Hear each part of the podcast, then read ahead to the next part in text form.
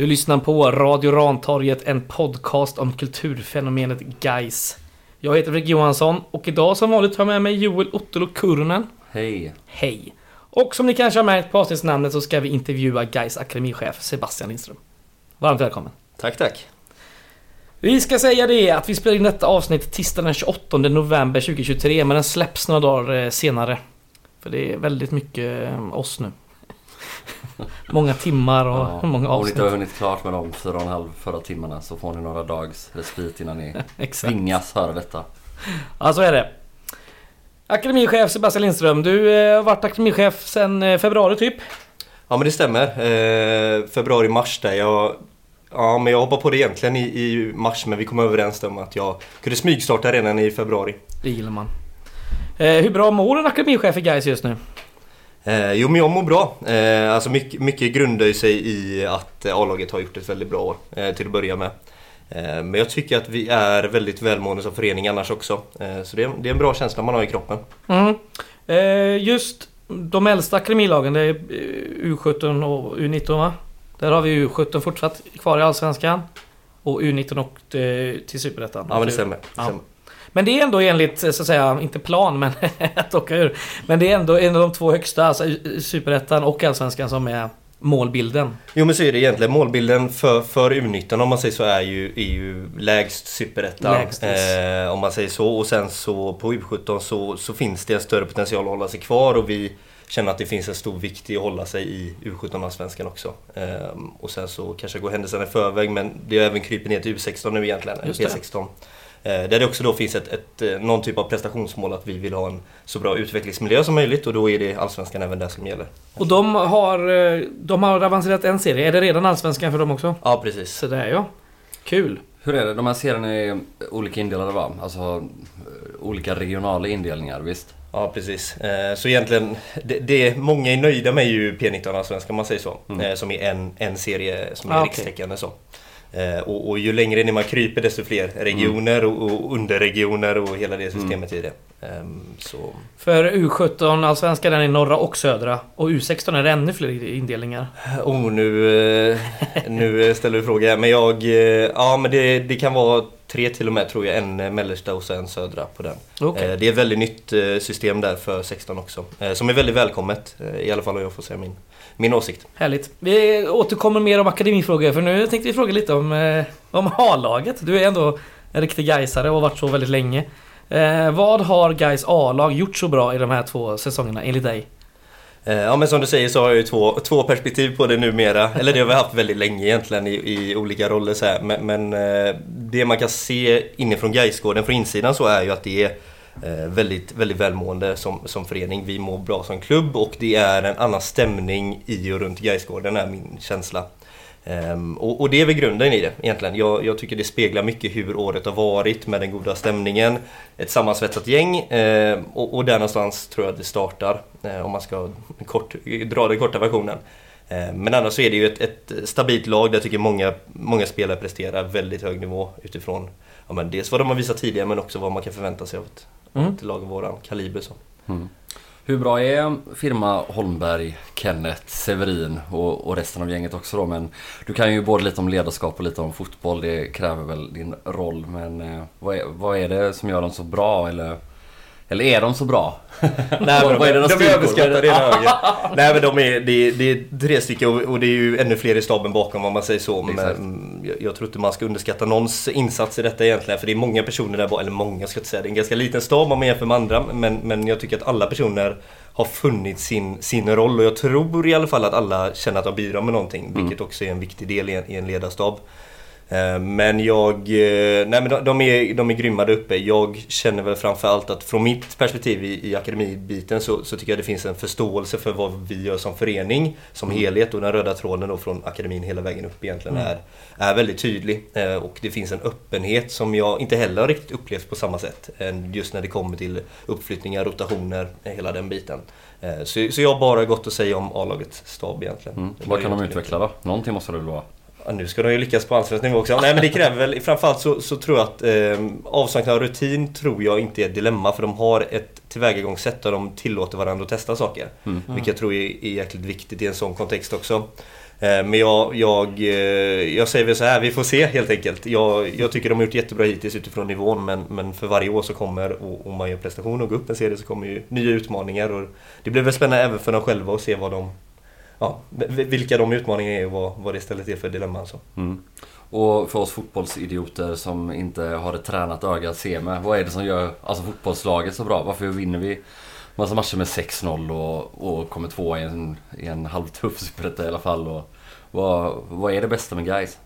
Eh, men till att börja med tycker jag ni har ganska vassa fotbollsögon faktiskt när man lyssnar. Jag brukar lyssna ganska mycket och tycker ändå att ni har, har vettiga analyser så eh, underskatta inte er själva. Eh, men jag, eh, alltså så här, jag, jag tycker att det finns en eh, ja, men det, det uppenbara egentligen är ju, är ju lyckandet av rotationerna i laget. Det har varit det allra främsta. Så jag imponeras av, många pratar om mittbacksrotationerna och det, Mm. det är samma där. Jag, jag är väldigt imponerad av hur de har lyckats med det. Något man sällan har sett i svensk fotboll Mm. på, på en så hög nivå. Men, men om vi pratar mer taktiskt och så, så tycker jag att det finns en, en, en eh, fin balans i spelarnas förståelse för de olika rotationerna i, i positionerna. Mm. Eh, Och jag tycker att de utnyttjar spelarnas eh, ja, men både styrkor men också undviker spelarnas svagheter på ett ganska smart sätt när de, Mm. när de ställer upp laget. Eh, Så, så både laguttagningsmässigt så är det ju ja, det är svårt att säga emot att det inte har lyckats så. Eh, Men men jag tycker att man har hittat många, många spelare som hittar sina roller och positioner i, i lagbygget på ett, på ett ja, men jäkligt spännande sätt. Ja. Ja, sista frågan om Gais A-lag då. Jajamän. Är det troligt att vi vinner SM-guld med Gustav Lundgren? Som jag har utlovat här i podden. Ja, ja.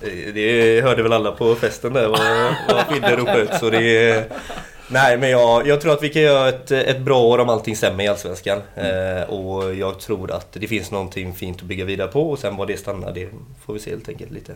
Alla, jag tror alla kommer testas på ett utmanande sätt nästa år. Och vad det landar, det får vi se. Spännande. Ja, vi kanske kommer återkomma lite mellan eh, Brygga, Akademi och A-lag också eh, senare. Vi får se. Vi ska ju prata lite om dig. Vem är du? För den som inte vet. Eh, Sebastian Lindström, 28 år i, vad fan är det, en vecka till? Någonting det, sånt. ja. Eh, Grattis i förskott. Ja, grattis i förskott. Det kanske är där vi släpper det här. Exakt. Eh, nej, så jag eh, född och uppväxt i eh, Annedal. Eh, här i stan. Eh, det. började min fotbollsbakgrund egentligen i Azalea. Där jag spelade fram tills jag var 14. Sen valde jag tillsammans med sju, åtta andra att ta steget över till Gais. Eh, så det var en stor flytt där från Azalea. Eh, med många av era men, nära vänner, Gais- Gais-klacken och så vidare. Mm-hmm. Vilka? Ehm, eh, John Pernsved bland annat. eh, Som, Målvakt, va? Målvakt på den tiden. Eh, har, väl, har vi gjort en utespelarkarriär efteråt också som är värd att nämnas. Absolut. Eh, nej, så vi var, vi var egentligen en hel kull där med 94 som, eh, som flyttade. Då med mig i spetsen om man säger så. Där jag, min farsa även var tränare. Mikael Lindström som också är verksam i Gais. Eh, varit det så jag flyttade egentligen. Så vad fan är det nu? 14-15 år. Mm. Ehm, och där valde vi att ta steget över och, och, och jag spelade egentligen där fram eh, till att jag var 17-18 med 94-kullen. Um, ehm, en väldigt duktig kull men, men jag tror att jag hade kunnat lyckas betydligt bättre med att lyfta fram vissa spelare i den kullen som var otroligt duktiga. Uh, som många av de som var på läktaren under Gothia Cup uh, det året vi vann också såg. Många duktiga. Uh, men efter det så valde jag egentligen att hoppa på tränar banan ganska direkt. Eh, tog över de allra yngsta lagen och, och gjorde väl en resa därigenom med, ja, med fotbollsskolor och de yngsta lagen. Hur gammal var du då? Ja, jag var väl runt 20. Och så där ja. ja. Ehm, Rätt på bara. Ja, nej Mm. men precis. Och jag, det var väl mer ett intresse av att hjälpa föreningen Mm. eh, med, med eh, Gaishjärtat om man säger så. Utan några, några riktiga Ja, fotbollskunskaper fanns ju men pedagogiska kunskaper eller, eller andra bitar i hur man tar en grupp. Eller så här, ledarskapskunskaper Mm. fanns ju inte på den tiden överhuvudtaget. Eh, Men eh, det var en bra grund att kliva in med, framförallt i hjärta och, och den ideella kraften som är grunden i allt föreningsliv i det här Mm. landet egentligen. Eh, Och där började jag. Några år senare så fick jag, parallellt med att jag började läsa idrottsvetenskap på GU, så tog jag över tillsammans med två andra eh, tränare 03-kullen. De som är födda 2003. Eh, Noah Jatta, Donat eh, och gänget är några som har varit uppe eh, och, och i alla fall känt på det eh, uppe i A-laget. Så de hade jag hand om fram till att de var 16 eh, när de skulle kliva upp till 17 Just eh, och sen så klev jag ner på 04 då med Arnes och eh, ja, vi har ju några, några som har valt andra färger där stan också med Karlstrand och eh, Felix och, och Eriksson och gänget. Ehm, och ja, egentligen följde de eh, ett år i den nationella och sen så valde jag att lämna Gais. Ehm, och därigenom så ja, hittade jag ett jobb som ungdomsansvarig eller, eller eh, ja, föreningsutvecklare, vad man nu vill kalla det, i eh, Mölnlycke IF. En jättestor förening som eh, har både Ja men framförallt bredden men också spetsen i verksamheten på, på ett sätt som men endast några av de större klubbarna i Göteborg kan, kan Mm. hitta. Men det är ju svårt att, att liksom nå alla i ett spektra av massa spelare i varje klubb.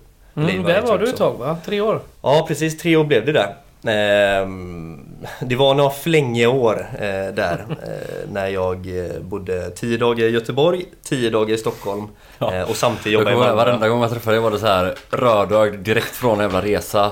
Så bara, ja men det var ju ingen idé att man frågade var du har varit nästan. Alltså oftast var det i Stockholm men... Ja, nej men det var, det var lite flängigt där. Så, så kort sammanfattat var jag ju där på halvtid om man säger så i Mölnlycke. Parallellt med att jag var med och, och startade upp och drev fotbollscenter i eh, Sickla i Stockholm eh, tillsammans med Anders Svensson, hans lillebror och några till. Så Eh, individuell eh, träning liksom? Ja precis, Ja. individuell träning egentligen allt. Jag, jag hade allt ifrån eh, med små kids på 5-6 till eh, ja, men Vasic som Ja, sänkt okej. utsikten nu. Så det var ett brett spektra av spelare man fick träna. eh, och parallellt med detta var jag också nere i Malmö på distans som man säger, så Malmö FFs herrlag. Just det. Ska vi... Eh, den vill man ju fråga lite om. Men vi kanske kan börja det. Farsan hos guys. Du har en bror också som också jobbar inom fotboll nu. Ja precis, precis. Eh, Kristoffer. Ja. Eh, som alltså jag har ju ändå fastnat någonstans i ledarskapet genom idrottsvetarbiten och, och hela den biten. Han, han valde inte andra banan när han pluggade ekonomi. Ja. Eh, men kände väl att det, det är svårt att låta bli i drog, fotbollsvärlden. drog tillbaka. Lite så, man, när man väl sätter sig i fot där så är det ju mycket man kan älska. Det är ju så. Det, det är mycket som är jobbigt och så också, rent tidskrävande och, och Ja, insatsmässigt. Men det finns så pass mycket som ger tillbaka i form av att... Det gör ju det. Det är min gamla käpphäst att det vackraste med Sverige är ju föreningslivet. Mm. Det är en sån jävla Så. grej alltså. Det är så. Jag tror att många, många liksom, större instanser underskattar föreningslivet Ja, som, gud, som ja. en samhälls, samhällsnytta. Verkligen. Även fast det får mycket cred i media så, så, så tror jag att vi- Delvis, men inte... fortfarande Ja exakt, vi underskattar det som bara den. Mm. Både fotbollen men alltså även då Ja, föreningslivet ja. stort. Allt. Nej men verkligen. Så, så han tog ju den banan egentligen. Läste, läste en kandidat i ekonomi, eh, lite sportsmanagement vid sidan om så här, men, men eh, är idag i Näset. Eh, där han är, uff, är det föreningsutvecklare. Det finns många olika titlar i de här olika klubbarna Ja, som är breddföreningar i stan. Eh, men där hamnade han så det är, ja, det är svårt att hålla sig ifrån som sagt. Ja. Och eh, vi får säga att farsan är kvar i guys va? Det är han. Det är Vad han. är rollen där nu? Det är lite oklart. Ja men han gör det mesta höll jag på att säga. Eh, alltså han har väl gjort så många olika roller i den här föreningen. Jag tror inte folk förstår hur många stolar han har suttit på genom åren. Eh, men, Men, alltså eh, både att folk inte förstår och också att även om man skulle förstå går det knappt att hålla koll Ja. på. Alltså det är ju oräkneligt nästan. Ja nej men det, är- det ja verkligen. Alltså till att börja med så har han ett heltidsjobb vid sidan om. Eh, Det är så? Ja ja, han jobbar fortfarande heltid på annan plats. Eh, så, så detta är hans kvällsaktivitet egentligen. Otroligt. Eh, Så han, eh, så här, kort och gott så, så har han ju varit i, i min roll om man säger så som akademichef för de yngre medan Kenneth hade de äldre. Eh, och även drivit Guys Open helt själv i stort sett i många Mm. år. Så. Men nu för tiden så är han, hans roll på pappret tror jag är spel och ledutvecklare. Mm. Där vi har tre stycken i organisationen idag där han är för 12 till 8-åringarna just nu. Samtidigt är han tränare i P14 för att vara 14-åringar. Eh, och CSR-projekten, eh, Gårdsten och Biskop. Men Just det. framförallt Gårdsten som har varit hans. Ja precis, framförallt ska man väl också då, det är väl inte bara att han varit involverad i utan han är väl kanske huvudpersonen bakom det om man ska säga att det finns en sån och den som verkligen har drivit det och sett till faktiskt skapat Gais i Gårdsten som ju ja, inte kan hyllas nog. Nej men så är det verkligen. Jag, samma där, jag tror inte det, det, det blir ju lätt så. Man märker det själv och, det känner man väl igen i andra saker i livet också. Att det är lätt att när man väl tar ansvar för någonting så är det lätt att man vill men vara med och påverka. Man känner att man har fått fart i seglet eller Mm. vind i seglet. Så. Ehm, så jag tror att där, där grundar det sig och, och Just Gårdstensprojektet växte ju väldigt fort och fick en väldigt pos- positiv inverkan eh, på, på hela Gårdsten egentligen. Och man Mm. märkte ganska snabbt att det var en positiv effekt. Så, eh, nej jag vet ju, nu får han tala för sig själv i de här frågorna, men jag vet att det, han brinner väldigt mycket för just den delen. Och eh, ja, men det här nya tjejlaget som är där ute och så också. Att det, ja, men det, han- tycker det är roligt och det blir inte samma allvar på samma sätt. Mm. Eh, Det, det blir en annan typ av allvar när man är i en akademi oavsett om man vill det eller inte. Och, Ja, och vad man säger om det. Men, men det, är, en- det är en annan, annan grej där ute. I framförallt det här tjejlaget då. Men nej, det har varit, ett, det har varit en jäkligt rolig resa att följa. När man har varit med på lite gårdstensdagar och sånt där man får stötta upp. Mm. Faktiskt. Härligt. Eh, Du pratade om Skills Academy i Stockholm. Är du fortfarande delaktig där? Eller det liksom... Eh, Det skulle jag inte säga att jag är. Nej. Jag har fullt upp här. Alltså jag är väl anställd fortfarande men jag, ja, så det var ju en... Pengarna tickar in men du gör... Exakt. Nej, så ska jag verkligen säga om det ändå var så. Nej, så nej det är jag inte. Eh, inte alls egentligen. Jag eh, har väldigt god kon- kontakt med, med Marcus Svensson som är med och driver det och har Mm. någon, någon typ av roll. Jag vet inte heller vad den är namnsatt till men, men annars så nej, jag har ingenting med det att göra. Det är fullt egentligen. fokus på guys. Verkligen. Vad är din eh, relation till eh, Anders Svensson idag då? Är ni taco och bassi med varandra eller?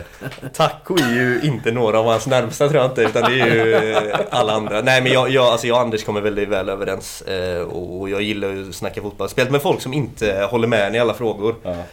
Jag gillar ju Och han gillar att- väl polemik också eller?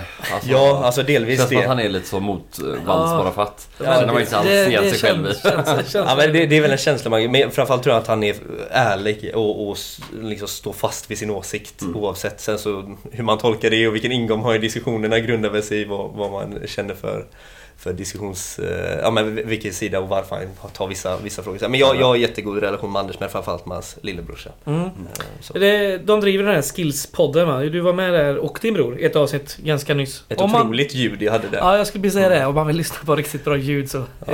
fortsätt att lyssna på den här podden tror jag. Men eh, det var intressant. Men eh, vill du utveckla då också, alltså vad är det här skills? Alltså du sa innan att det var högt och lågt och Vasic och ungdomsspelare men men för, ja, berätta för oss vad, vad, är, vad består verksamheten av liksom?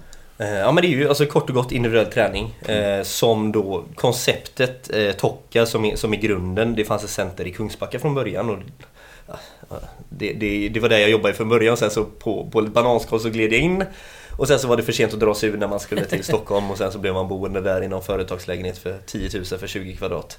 Eh, men, men i grunden så är det ju ett koncept där man jobbar med en bollmaskin och eh, får ett eh, stort, eller ett stort antal, säger man så? Eh, Många, många antal eh, touch på, på ganska kort tid.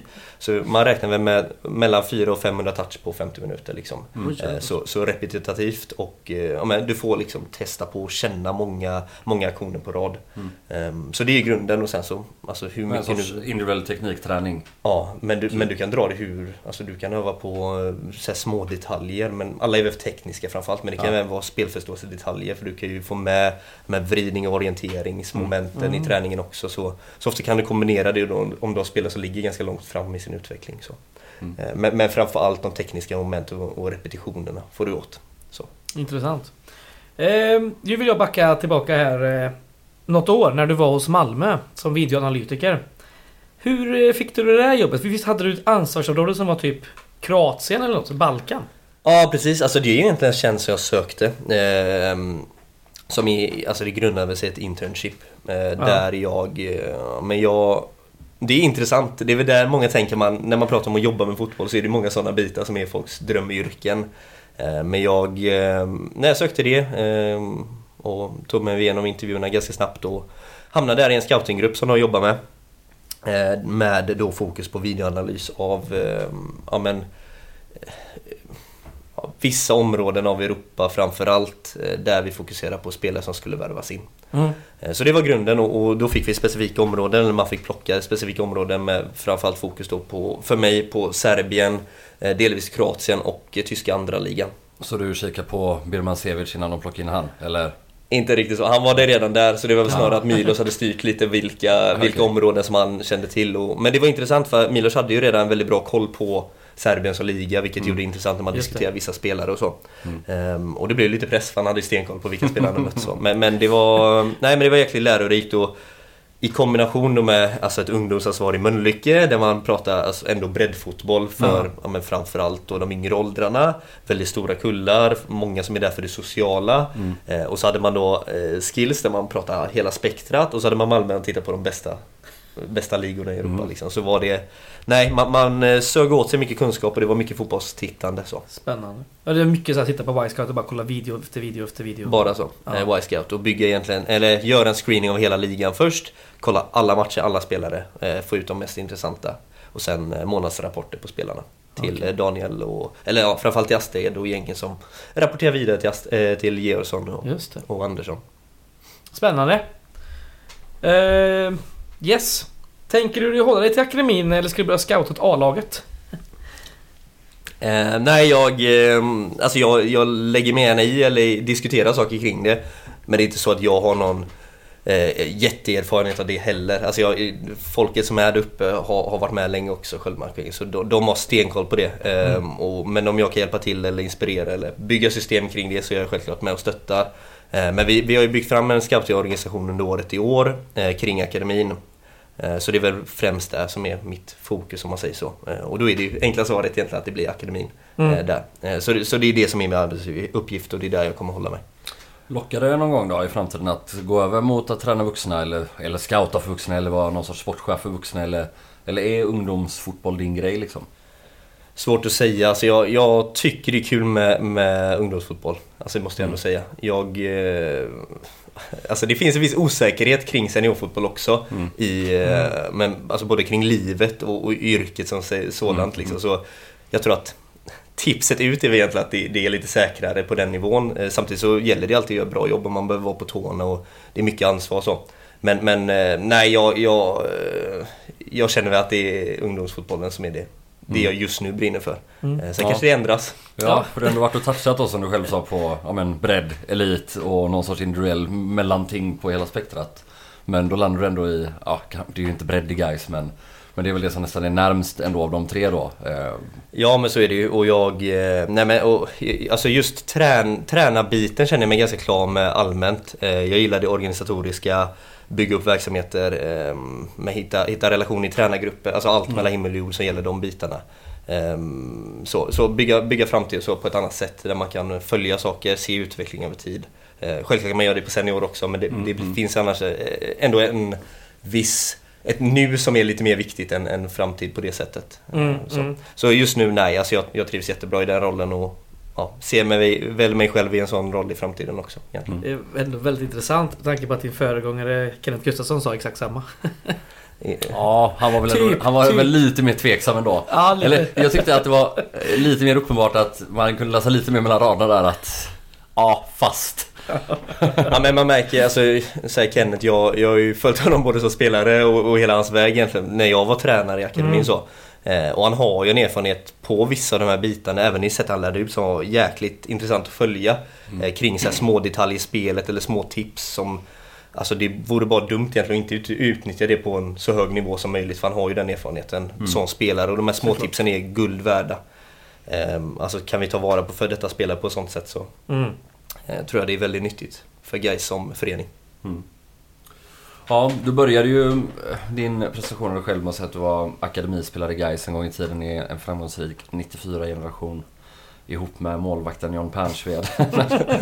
Men, eh, vad är största skillnaden mellan nu, eh, akademin nu, när du är akademichef och akademin för 10 år sedan då, eller nästan 15 år sedan när du var där. Vad är, vad är de största skillnaderna? Eh, både på det stora hela men också då för kanske en, en spelare. Eh, ja men det är svårt, jag, jag tror att jag... Dels har jag mognat lite i sättet som man själv ser fotboll på eh, Mm. och, och när man är inne i smetet på ett annat sätt så är man också... Man ser det från ett annat, annat perspektiv så. Mm. Eh, Men, men, men vissa bitar kring framförallt hur vi idag har eh, folk med en eftergymnasial utbildning och, och välutbildade ledare på ett annat sätt som jag tror speglar hela fotbollen idag. Mm. Eh, förr var det mycket, det vi pratade om erfarenheten och det nyss där, men, men mycket erfarenhet och mycket att man hade varit på en plats länge och, och man kunde antingen föreningen, laget, spelarna eller, eller fotbollen som, som det var just då. Men jag tror att det är utvecklandet av att ta fotbollen framåt och viljan att utbilda sig och utvecklas är nog det som jag tror är den största skillnaden egentligen. Mm. Så ja, men folk med eh, utbildning eller gedigen bakgrund inom fotboll och en vilja att eh, fortsätta med eftergymnasial utbildning eller ledarutbildningar. Så här. Eh, viljan att utvecklas i tränargrupperna tror jag framförallt är den stora biten. Eh, så. Men som spelare tror jag Alltså jag tror det är mångt och mycket samma press och samma, Mm. samma de, de problemen man hade då tror jag är de samma nu mycket för spelarna Mm. om man säger så. Inget man har utvecklats ifrån då? Att, alltså finns det... Alltså till exempel då med mer utbildade tränare, med mer pedagogik i ledarskapet och kanske mindre bara att man är förälder och hänger med. Kan det inte vara, eller borde man inte kunna hoppas att, det, att man har kommit, kanske inte hela vägen. Alltså problemet kommer att finnas kvar. Det kommer vara jättemycket press i en akademi där alla strävar efter att bli elitspelare såklart, hur man än vrider och vänder på det. Men är vi bättre på att tackla det idag, tror du, än vad vi var då? Eller för 20 år sedan eh, kanske är ännu bättre att jämföra? Jo men jag tror det. Alltså jag tror att... Så här, jag, jag kunde inte den eh, grönsvarta tråden eller så här, utan till på den tiden. Utan det var ju mycket man fick till sig. Dels de taktiska direktiven som var då att vi skulle spela 4-2-3-1 och vi hade väldigt inprintat sätt på så. Men, men jag, så här, vad som fanns i den rent eh, pedagogiskt, eh, mental, mental träning och sådana bitar, ingen koll på. Eh, men jag vet ju själv vilka utmaningar jag stötte på på den tiden mm. och, och, att det fanns vissa, viss problematik där. Eh, ser vi till hur vi jobbar idag så har vi en mental tränare dit vi skickar spelare mm. varje år. Vi kan erbjuda möjlighet där. Vi har i vår spelarut, spelutbildningsplan att våra ledare ska jobba med vissa mentala bitar i, i träningen. Bland annat att göra nästa aktion bättre, att vi ska tänka på en långsiktig karriär och hur vi ska hålla fast vid fotbollen. Mm. Och göra lagkamrater bättre och sådana bitar. Men, mm. men vi måste också som förening kunna ge ledarna verktygen till att faktiskt lösa detta och det blir ju nästa steg egentligen. Så, mm. jag, så jag, tror att vi, vi har nog kommit långt men, men det finns också bitar i att jobba med där. Mm. Eh, men jag tror också hela, hela fotbollen egentligen i Sverige utvecklas i en viss riktning. Och, eh, när det kommer till hur vi certifieras och de bitarna så är det inklusive där också i, i hur vi utbildar spelarna, hur vi jobbar med dem över sikt och ja, stöttar dem i deras ganska tuffa miljö som akademimiljön ändå är. Mm. faktiskt. Ja, vi ska återkomma till nästan alltihopa där som du nämnde sista men om vi börjar med att zooma ut lite då och om vi återigen då ska tala om den före detta målvakten i Gais Akademi, John Pernsved, så tar ju han då och då ibland upp eh, att han inte ser någon nytta med att ha en akademi. Alltså han eh, ja. har väl ibland fört på tal att vi bara borde ha en renodlad elitverksamhet. Bara ett A-lag, ett herrlag, punkt slut. Det skulle lägga allt på. Så, och nu får du då, ja du är väl part i mål här men, men alltså verkligen då på, på, en filosofisk eller en abstrakt nivå. Varför är det viktigt för en klubb att ha en akademi och en ungdomsverksamhet? Eh, men sen om vi börjar med ungdomsverksamhet som, som stort så, mm. Eh, och inte bara inriktning, så finns det ju också det vi pratar om samhälls, eh, samhällsperspektiv och nyttan där. Där GAIS är en förening som, som jag tycker tar hand om många sådana frågor. Så pratar vi om vad GAIS står för så, så ser jag en viss nytta redan där egentligen kring hur vi ska, ska eh, men, ta guys ut i staden och, mm. hur vi kan stötta men både barn och ungdomar men, men även liksom eh, alla delar av, av det socioekonomiska Göteborg där vi ja. har vissa ja. skillnader och, och, även likheter men, men ja, vi, är, vi är ett lag för hela stan egentligen på det sättet. Mm. Eh, där vi inte har någon anknytning till något specifikt område på samma sätt som exempelvis Häcken har. Eh, utan vi har ju spelare från hela stan. Vi har folk som pendlar till och med från Trollhättan, Uddevalla. Mm. Eh, fan, jag hade någon från Skövde som pendlade nyss liksom, jag yngre. Så, så det finns liksom folk som kommer från alla delar, även utanför Göteborg. Eh, och, och börjar vi där så tror jag det finns en samhällsnyttigt perspektiv. Mm. Eh, pratar vi akademin som, som helhet så, så tror jag att det finns en Framförallt tror jag att det finns en bakgrund i där vi inte har varit tillräckligt bra kanske på att visa vad akademin har gjort eller, mm. eller kunnat utnyttja det. Mm. Vilket jag började samtalet med lite att det finns en öppenhet i A-laget idag som, ja men, tittar vi på förra laget så är jag rätt övertygad om att även John Persved kan se spelare som ja, men, eller, eller Filip Bäckman och, och nyttan som har gjorts där. Mm. Um, så jag tror att mycket, mycket den bakgrunden Gaisare har i den frågan, om man har en sån, en, ett sånt perspektiv, grundar sig mycket i att vi har haft en viss problematik innan. Och, och eller vissa bitar vi kan göra mycket bättre, mm. helt enkelt. Um, och ja, så, så den nyttan finns ju också. Vi ser ju faktiskt fotbollsmässigt på plan att det har funnits en viss nytta också i att vi har två mittbackar som klivit in i Superettan och gjort det jäkligt bra. Ja. Mm. Eh, där. Så eh, ja, det är väl två, olika svar. Sen ja, om John men... köper dem eller inte, det får vi se. Nej, nej, men jag håller ju med. Alltså det är ju... Det, det går ju att dra ut ännu större liksom att... Alltså om man ska se det, dels samhällsnyttan, alltså åt ena hållet att man hjälper samhället och dels sen då att det är också då kanske ett sätt att sprida guys goda namn i samhället så att alltså våran egen nytta via samhällsnyttan. Det är alltid ett dubbelspel. Eller så här. Jag tycker liksom till exempel att projektet Gårdsten är såklart mest fantastiskt för att vi på allvar hjälper en stadsdel med problem. Vi har hjälpt massa människor, vi har hjälpt mm. massa ungdomar att spela fotboll och, och bidragit till deras liv. Och sen har vi ju fått betalt för det också, alltså både i, i publicitet men liksom också i Alltså i rena ekonomiska saker vi får tillbaka för att det syns och, och folk ser att vi gör bra. Eh, så redan... Jag tycker liksom att det är helt självklart att vi ska ha en ungdomsverksamhet Även om vi inte skulle få upp en enda Arnes, en enda Bäckman, en enda mm. elitspelare så tycker jag att det är liksom en av funktionerna med en förening. Och återigen, det kanske då är mitt sätt att liksom se på föreningslivet i stort och Gais är ju min förening. Eh, Mm. Men liksom dess roll i samhället och dess möjligheter att faktiskt göra gott. Och, så redan där tycker jag ju att det är, är nog... Eh, Nej men, jag, Argument nej, men det. jag håller med dig. Alltså, så här, jag, jag tror att det Alltså förståelse för vad föreningslivet betyder och hur vi skapar eh, Kanske i, en, i, en, i andra hand eller tredje hand framtidens Gaisare är också en viktig del. Eh, både när det kommer till framtida, alltså jag menar sponsorer, medlemmar, supportrar Eh, även framtida tränare. Jag menar vi har, vi har tittat på Severin Kenneth som har gjort resan genom akademin för att där, nu roligt att prata Kenneth i en sån roll för han har hela tiden varit väldigt involverad på, på ett annat sätt men vi har även föder liksom framtidens staber och, och Gais organisation på det sättet. Eh, så, det är ju en, en startsträcka på många sätt också både för spelarna, framtidens supportrar, ledare, eh, styrelsepersoner, eh, egentligen allting. Så jag, Ja. det finns Målar upp betydligt mycket mer själv här gott. nu som framtida A-lagstränare ändå. Nej, det gör jag verkligen inte. Nej, men där kommer jag inte sätta min fot. Jag har Styrelseordförande. alltid, nej, det hade jag aldrig, aldrig satt mig i en sån situation. Det är för mycket hjärta bakom det kan jag säga. Det hade jag inte klarat av. Ja, vår kära ordförande nu för tiden pratar ju ofta om sin roll i akademin och på den tiden. Eh, men vi kan väl fråga så här då. Vad, vad är målsättningen med akademin? Eller vilka målsättningar har vi? Eh, Men det var lite som vi pratade om förut, dels kring eh, de rent prestationsmässiga målen i att... eh, Men, men de grundar ju sig att vi ska ha en så bra utvecklingsmiljö som möjligt. Så drar man det ytterligare steg så är det ju att få upp spelare till A-laget. Mm. Det, det, det är ett mål som man inte får glömma när man pratar om Gais. Alltså även när vi diskuterar i Göteborg och, och föreningslivet där så har vi en roll i att vi faktiskt ska föda eh, kommande A-lagsspelare på numera allsvensk nivå då. Finns det ett, eh, en siffra där? Just Eh, nu som är liksom målsättning. Vi ska ha fram minst en som ska upp i A-laget Ja, det finns det. Jag kan inte exakt dra det nu, men om det är en eller två som ska upp. Och sen så tror jag att det är tre som ska roteras varje någonting sånt. Det finns liksom i vår verksamhetsplan kring hur vi ska jobba med det. Eh, Eller i alla fall en målsättning för att ha någonting att jobba gentemot. Eh, Men man kan dra det ännu längre. Att certifieringen så kan du sätta en viss siffra för hur många spelminuter eller en viss spelprocent Ah. som akademin spelar. Och där har vi, jag inte känt mig riktigt trygg ännu i att vi som organisation ska sätta det. För det blir ändå samspel mellan ja, men framförallt mig och, och ledarna där, Severin och så A-lagstränarna.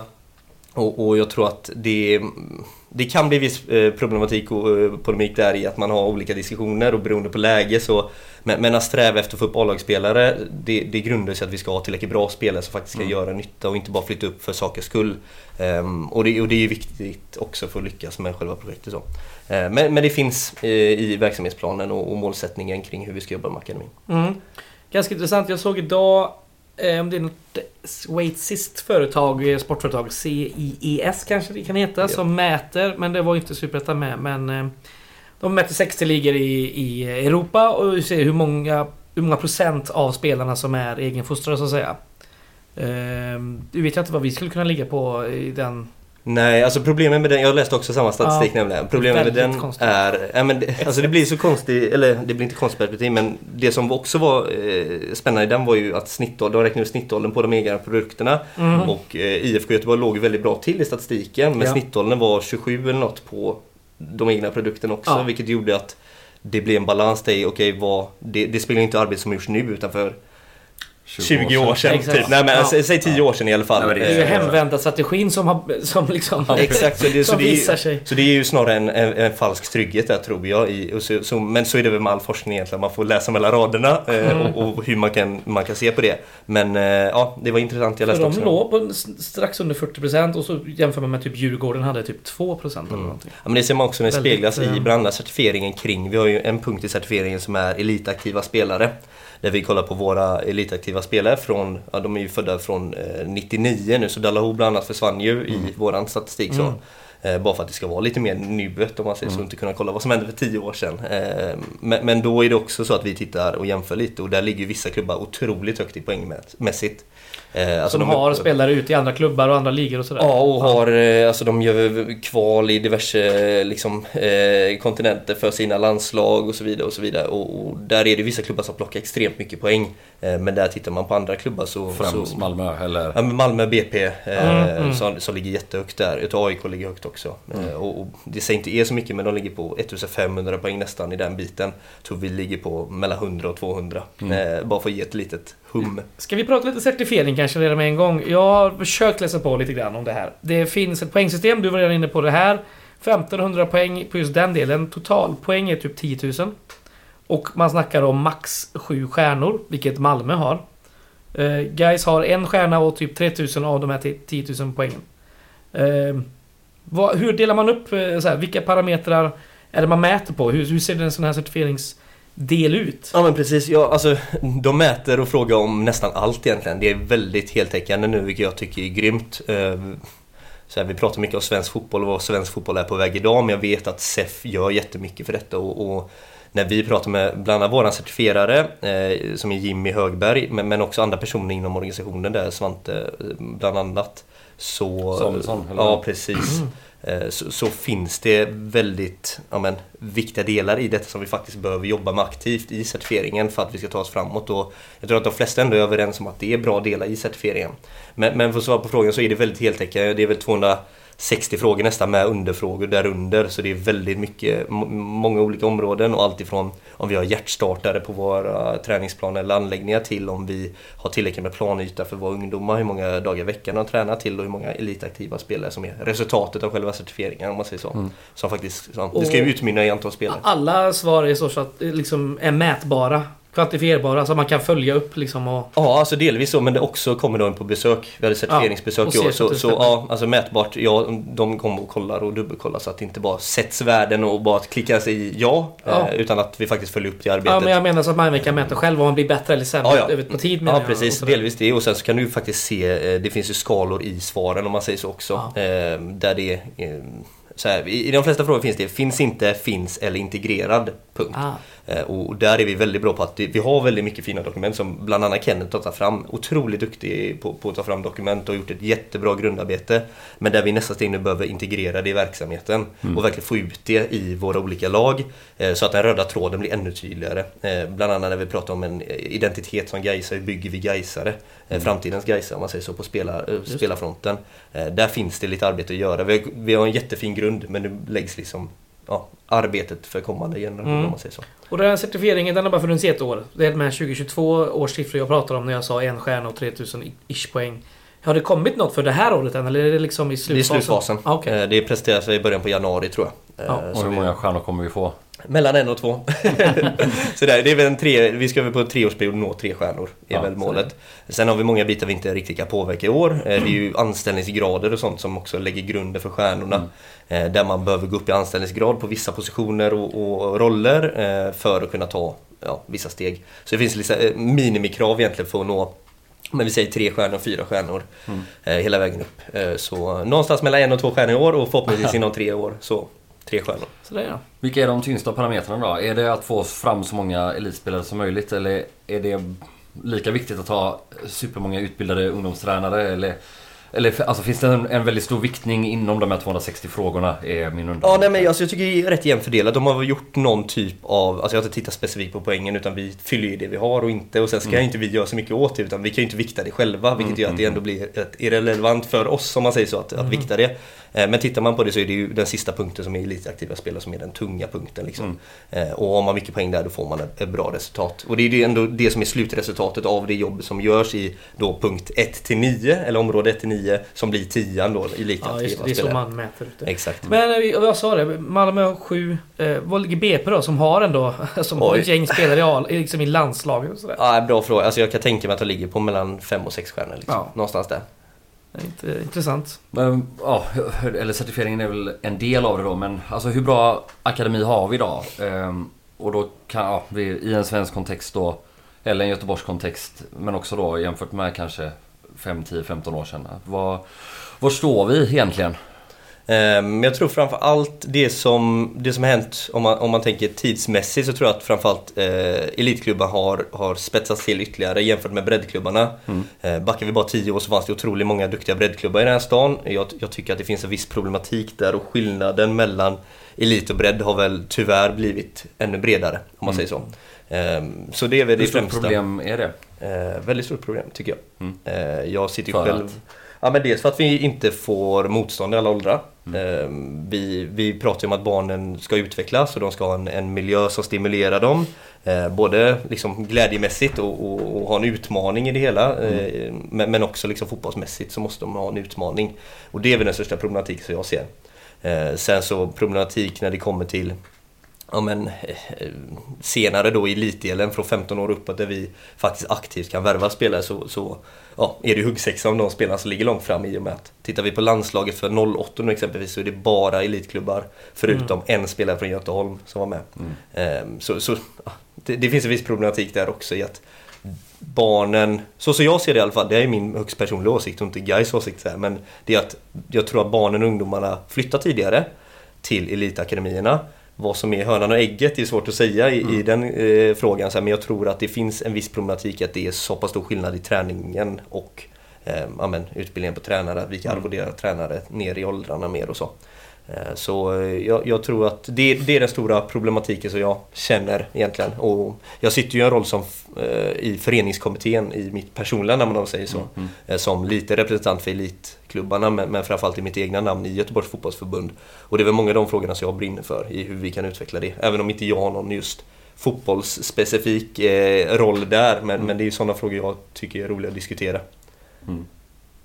Och om vi hoppar tillbaka till ursprungsfrågan innan jag avbröt dig med den här långa passen. Men, men hur bra akademi har vi idag? Alltså jämfört med till, till Göteborgsklubbarna? Och... Mm. Nej, men jag tycker vi står oss väldigt bra. Eh, det beror på vad man ska mäta. Alltså mäter vi hur många spelare vi får upp A-laget så även där blir det ju väldigt olika mätningar. Jag menar, vi, vi har två stycken spelare som ändå går in i, i startelvan stora delar av säsongen. Vi har mm. Simon som debuterar, även Anton som debuterar. Mm. Så, så det är ju spännande på det sättet att vi faktiskt kan få ut någonting av en akademi också. Ehm, pratar vi mäter det i form av resultat eh, så ligger vi ju i de högsta serierna egentligen från 16 år uppåt. Ehm, och det är ju framförallt där som det blir en, en fråga kring utbildnings eller utvecklingsmålen, att vi ska få fram spelare till A-laget. Men där ser man också att vi, vi försöker hålla oss kvar av en viss anledning, att det ska vara en så bra utvecklingsmiljö som möjligt. Ehm, så, så ja, men där gör vi bra resultat. Vi, 17 hade som mål och P17 hade som mål att komma på övre halvan. De lyckas med det. 16 togs upp i Allsvenskan. 19 var en tuff serie. Vi, vi är inte riktigt mogna att vara i Allsvenskan där. Vi kanske är det i något år, men över tid så behöver vi bygga upp en viss kontinuitet mellan åldrarna mm. framförallt.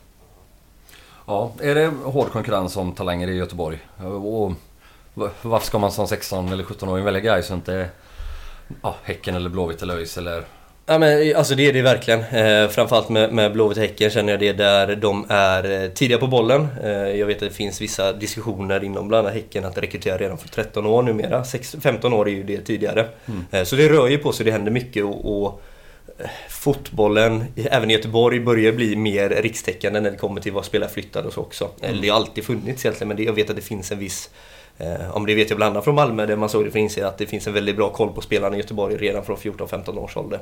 Mm. och de som ligger allra långt fram. Eh, och klubbar är inte blyga för att erbjuda en flytt över landet för att få tag i de allra bästa spelarna heller. Hur går det till då? Erbjuder man boende och gymnasieplats åt en 14-åring när den skulle bli 15 eller? Mellan 15 och 16 egentligen. Ja. Eh, alltså i gymnasieåldern där så är det ju boende och, och, så. Men vi, alltså där är vi inte riktigt. Det, jag hade uppe den frågan senast idag. Är det eftersträvansvärt? Eh, ja men det tycker jag ändå. Eh, sen så hur vi ska göra det på ett bra sätt som både liksom är holistiskt och, och eh, mm. moraliskt rätt så här, det, det är väl den stora frågan. Mm. Och hur vi som, som förening inte ska springa alldeles för fort sett till vad vi är idag heller. Mm. Eh, man kan inte bara springa i riktning bara för andra gör det heller utan vi måste göra det på ett geisigt sätt. Eh, mm. Med, med, liksom, ja, med våra föreningsvärderingar och vår värdegrund i grunden. Så. Eh, men ja, absolut så är det något att eftersträva tror jag om vi ska växa som organisation också. Att vi ja, men i alla fall kan täcka lite mer av, av västra Sverige mm. framförallt. Eh, sen så är vi inte där rent scoutingorganisationsmässigt heller. Vi är nej, nej, nej. fem pers eh, i, den, i år varav alla andra roller också. Mm. Eh, så ingen som bara är scoutingansvarig. Så, och där är ju, ja, tittar vi på Häcken som anställde fem nya scouter eller vad det var nu. Så, så är vi inte där. Men, men vi jobbar i en riktning. Jag tror att än så länge står vi oss väldigt bra. Och jag, tror att det, jag ser ingen anledning till att det skulle ändras i framtiden. Utan vi jobbar på ett sätt som passar oss väldigt bra. Mm. Du började nämna lite här på ett geisigt sätt. Ehm, och du pratade innan också om den grönsvarta tråden. Ehm, finns det ett Gaiset nu? Alltså, du spelade eh, i nummer 10-rollen eller? I ett 4-2-3-1 när du var i akademin? Det gjorde jag inte. Jag var ytter, eller högerback till och med. Högerback, okay. ja. Det är nu senare år jag står där uppe och väntar på bollen. ja. Nej men eh, spela alla ungdomslag 4-3-3 med hög press och snabba omställningar och eh, en en karate Axel Henriksson på mittfältet som bara löper in i box eller eller så här, vad, är det grönsvarta sättet idag? Ja, nej men så här, jag, jag, när det kommer till formation och sånt så, så ser jag snarare en, en stor, eller lägger stor vikt vid att vi ska spela med kanske liknande principer eller liknande delar i spelet som, som genomsyrar hela organisationen. Mm. Eh, jag och ser, vilka är det? I så fall? Nej men det, det, är också saker vi behöver sätta från år till år egentligen. Ja. Vi behöver bli ännu tydligare i det arbetet kontra nästa år. Mm. Eh, men det, det, kan exempelvis vara att vi ska alltid försvara en fyrbackslinje. Mm. Eller vi ska alltid spela med en ensam nia. Eller vad det nu kan vara. Smådelar snarare, att vi alltid ska ställa upp i en 4-3-3. Mm. För som de flesta vet så är det bara en lek med siffror och vad mm. 4-3-3 betyder säger väldigt lite egentligen. Mm. Utan då är det så, snarare principerna i det hela som är det som jag lägger vikt vid. Eh, och det är fortfarande, det börjar arbetet nu egentligen fram till nästa år. Eh, och där är ju den stora frågan så här, hur mycket ska vi likna vid A-laget? Hur ska den röda tråden för A-laget eh, men snirkla sig ner mot 19 och 17? Eh, så att spelarna över tid kan faktiskt ha en, en så smidig övergång som möjligt mot seniorfotbollen. Eh, så. Ja, för när vi har pratat med Sköldmark eh, här och även när eh, vi skulle gå in i ettan södra och med Fredrik Holmberg som tränare så var, var det ju ett, eh, ett, ett gammalt dokument som han hittade och som han snyggade till och gjorde bra. Att vi ska spela frenetisk anfallsfotboll och liksom, eh, liksom vara framåtlutad och, och sådär. Det kändes ju som att det där borde ju vara någonting som borde sippra ner i hela föreningen. Är det, har, har det pratats någonting om? Ja men verkligen, men jag tycker även där vi behöver bli ännu tydligare. Alltså vi pratar, det, det blir ju så jäkla klyschigt men vi ska jo. måla ner motståndarna och hit och dit. Men, men det, tittar man på faktiskt vad det betyder så är det ju sådana spelare vi vill bygga. Så Axel Henriksson är ett jättebra exempel på spelare som faktiskt maler ner motståndarna bokstavligt ja, talat. Eh, men, men, att vi ska orka hela matchen, vi ska vara starka fysiskt, psykiskt och, och sådana bitar ska vi liksom jobba aktivt med kommande år. Det, det är mm. jätteviktiga delar. Sen så ska vi skapa skickliga fotbollsspelare. Det behövs självklart för att vi ska ha allsvenska spelare. Eh, mm. Det, det, säger väl sig självt. Vi behöver någon med Gustav Lundgrens passningsfot också. Exakt, kombinationen däremellan så har vi något. Nej men, nej, men verkligen. Och, och, men, men pratar vi om liksom identiteten så, så, finns det mycket bra att ta av. Men vi behöver även skapa det och ta in det i 2024 och 2025. Eh, och ja. eh, skapa en ännu tydligare identitet. Jag tror det är viktigt och framförallt få skapa liksom, ja, älskvärda spelare som, som går hem och som funkar i det systemet vi har byggt idag i, i mm. eller som, som Fidde och gänget har byggt idag i Gais. Eh, tillsammans med Sköldmark och Karlström och gänget. När man eh, jobbar med ungdomar som du då i en akademi. Eh, du börjar ju återigen prata lite om det redan innan vi har ställt en fråga om det. Men hur mycket handlar det om att lära någon Alltså den här balansen mellan taktik, teknik, fysik eller bara liksom strukturer av spel alltså, och skiljer det så mycket mellan åldrarna. Alltså det är kanske ingen idé att man lär en 7 och 8-åring att göra push-ups. Men det kanske finns en viss idé när de är 15, 16, 17 att göra det. Men ja, hur balanserar man där för att skapa de här spelarna till slut? Eh, det måste ju skilja sig mellan åldrarna tänker jag. Ja men så är det verkligen och vi, vi har väl egentligen en, en trappa om man säger så rent eh, fotbollsutbildningsmässigt i hur spelaren rör sig mellan olika delar i spelet. Där det finns, eh, ja men det, det är vida tjänst egentligen med att vi har teknikfönster där man ska drilla spelarna mycket tekniskt genom mm. eh, ja, men precis åren innan tonåren när de är små och även in första åren i tonåren. Så här. Och sen så kommer det en viss del där fysiken ju, verkligen gör nytta. Mm. och, och det är ingen idé att vi gör, går ut och springer 8 km i skogen när de är 6 eh, år. Liksom. Det är inte så mycket. Utan då gäller det också att utnyttja tiden på plan så mycket som möjligt. Ja. I och med att vi har begränsat antal ytor i svensk fotboll. Det är inte så att vi har 100 planer här i Göteborg. Eh, vi, vi, har sån problematik också. När man väl är på plan så gäller det att ja, öva på de delar som är absolut viktigast. Mm. Så det finns helt en trappa där vi går igenom olika delar även inom men det tekniska momentet. Att det finns en viss progression i, inom tekniken om man säger så. Eh, där vi bygger en verktygslåda för att sen ta in dem i 14, 15, 16 års åldern där det kommer mer taktiska direktiv och man blir mer en enhet, fler förhållanden på plan och även förhållanden som är längre bort ifrån sin egna position. Mm. En, två positioner bort där man faktiskt behöver förhålla sig till fler spelare mm. och man jobbar mer som en enhet. Eh, så, så, det finns en trappa och, och... Kan du beskriva den snabbt översiktligt? Alltså vad, om, man, om man går hela vägen, om man gör en Anders Chodaklia vad börjar man med? Om man, om man som sexåring då skulle börja akademin idag. Mm. Vad börjar man med att lära sig och vad får man sen? Eh, I den, vad, när trappas det upp och till vad? Ja men precis, då har vi egentligen lag från 8 års ålder. Mitt ansvar är ju från 19 till 8 som i akademin idag. Eh, så, så kliver vi in i, i spektrat eller, eller klustret 8 till 12 så är det framförallt det tekniska fönstret i hur vi drillar tekniken. Eh, och det fortsätter egentligen, ja det fortsätter hela vägen självklart i, i individuell träning och sånt när vi kommer högre upp.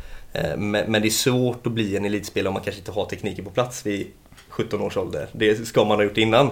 Eh, men, men det är liksom tekniken från 8 till 14, mycket att drilla de, de tekniska moment och bygga en verktygslåda.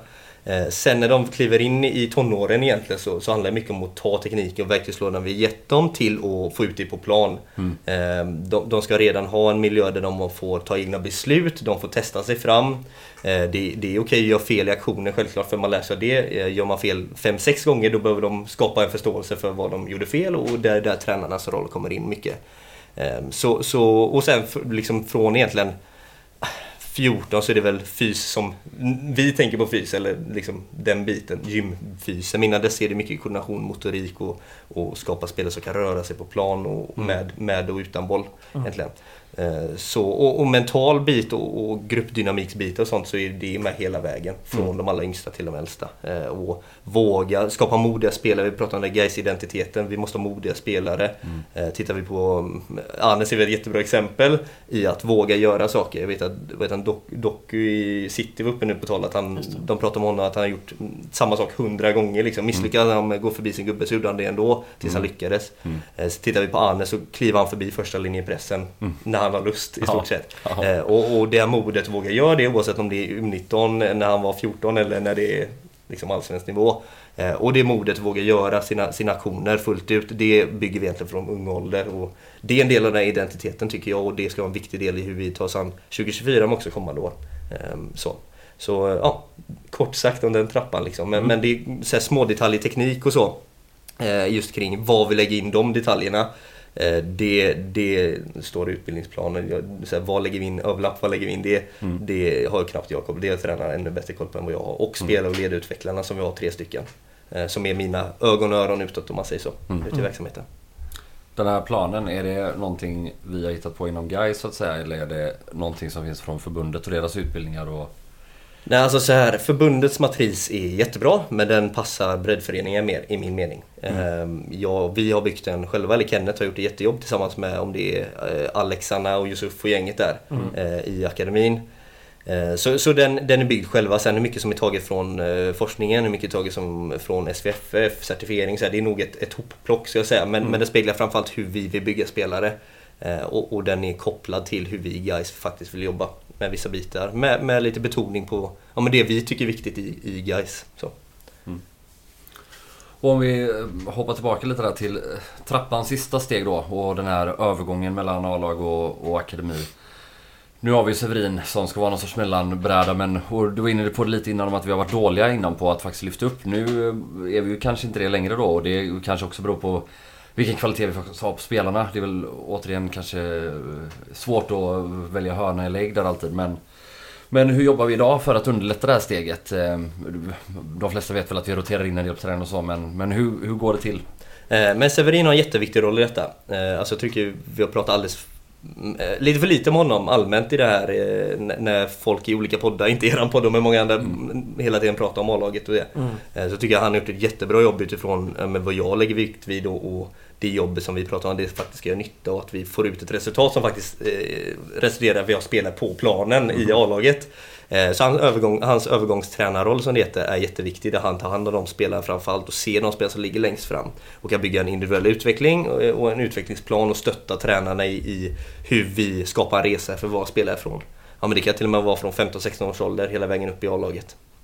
Eh, och sätter dem i en, i en roll där de får utvecklas så mycket som möjligt.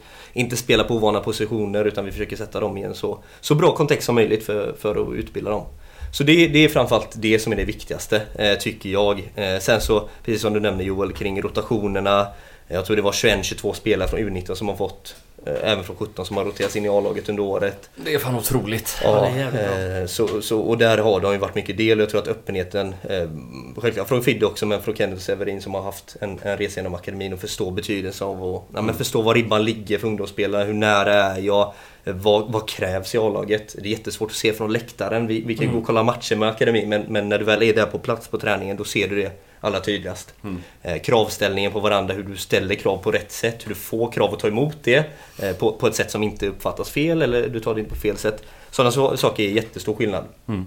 I min egen erfarenhet så här, mellan senior och, och akademi. Mm. Eh, så ja, alltså både, både erfarenhetsmässigt att vi testar oss fram Men, men också att det finns en, en förståelse uppifrån och, och en Severin som gör ett jättebra jobb. Mm.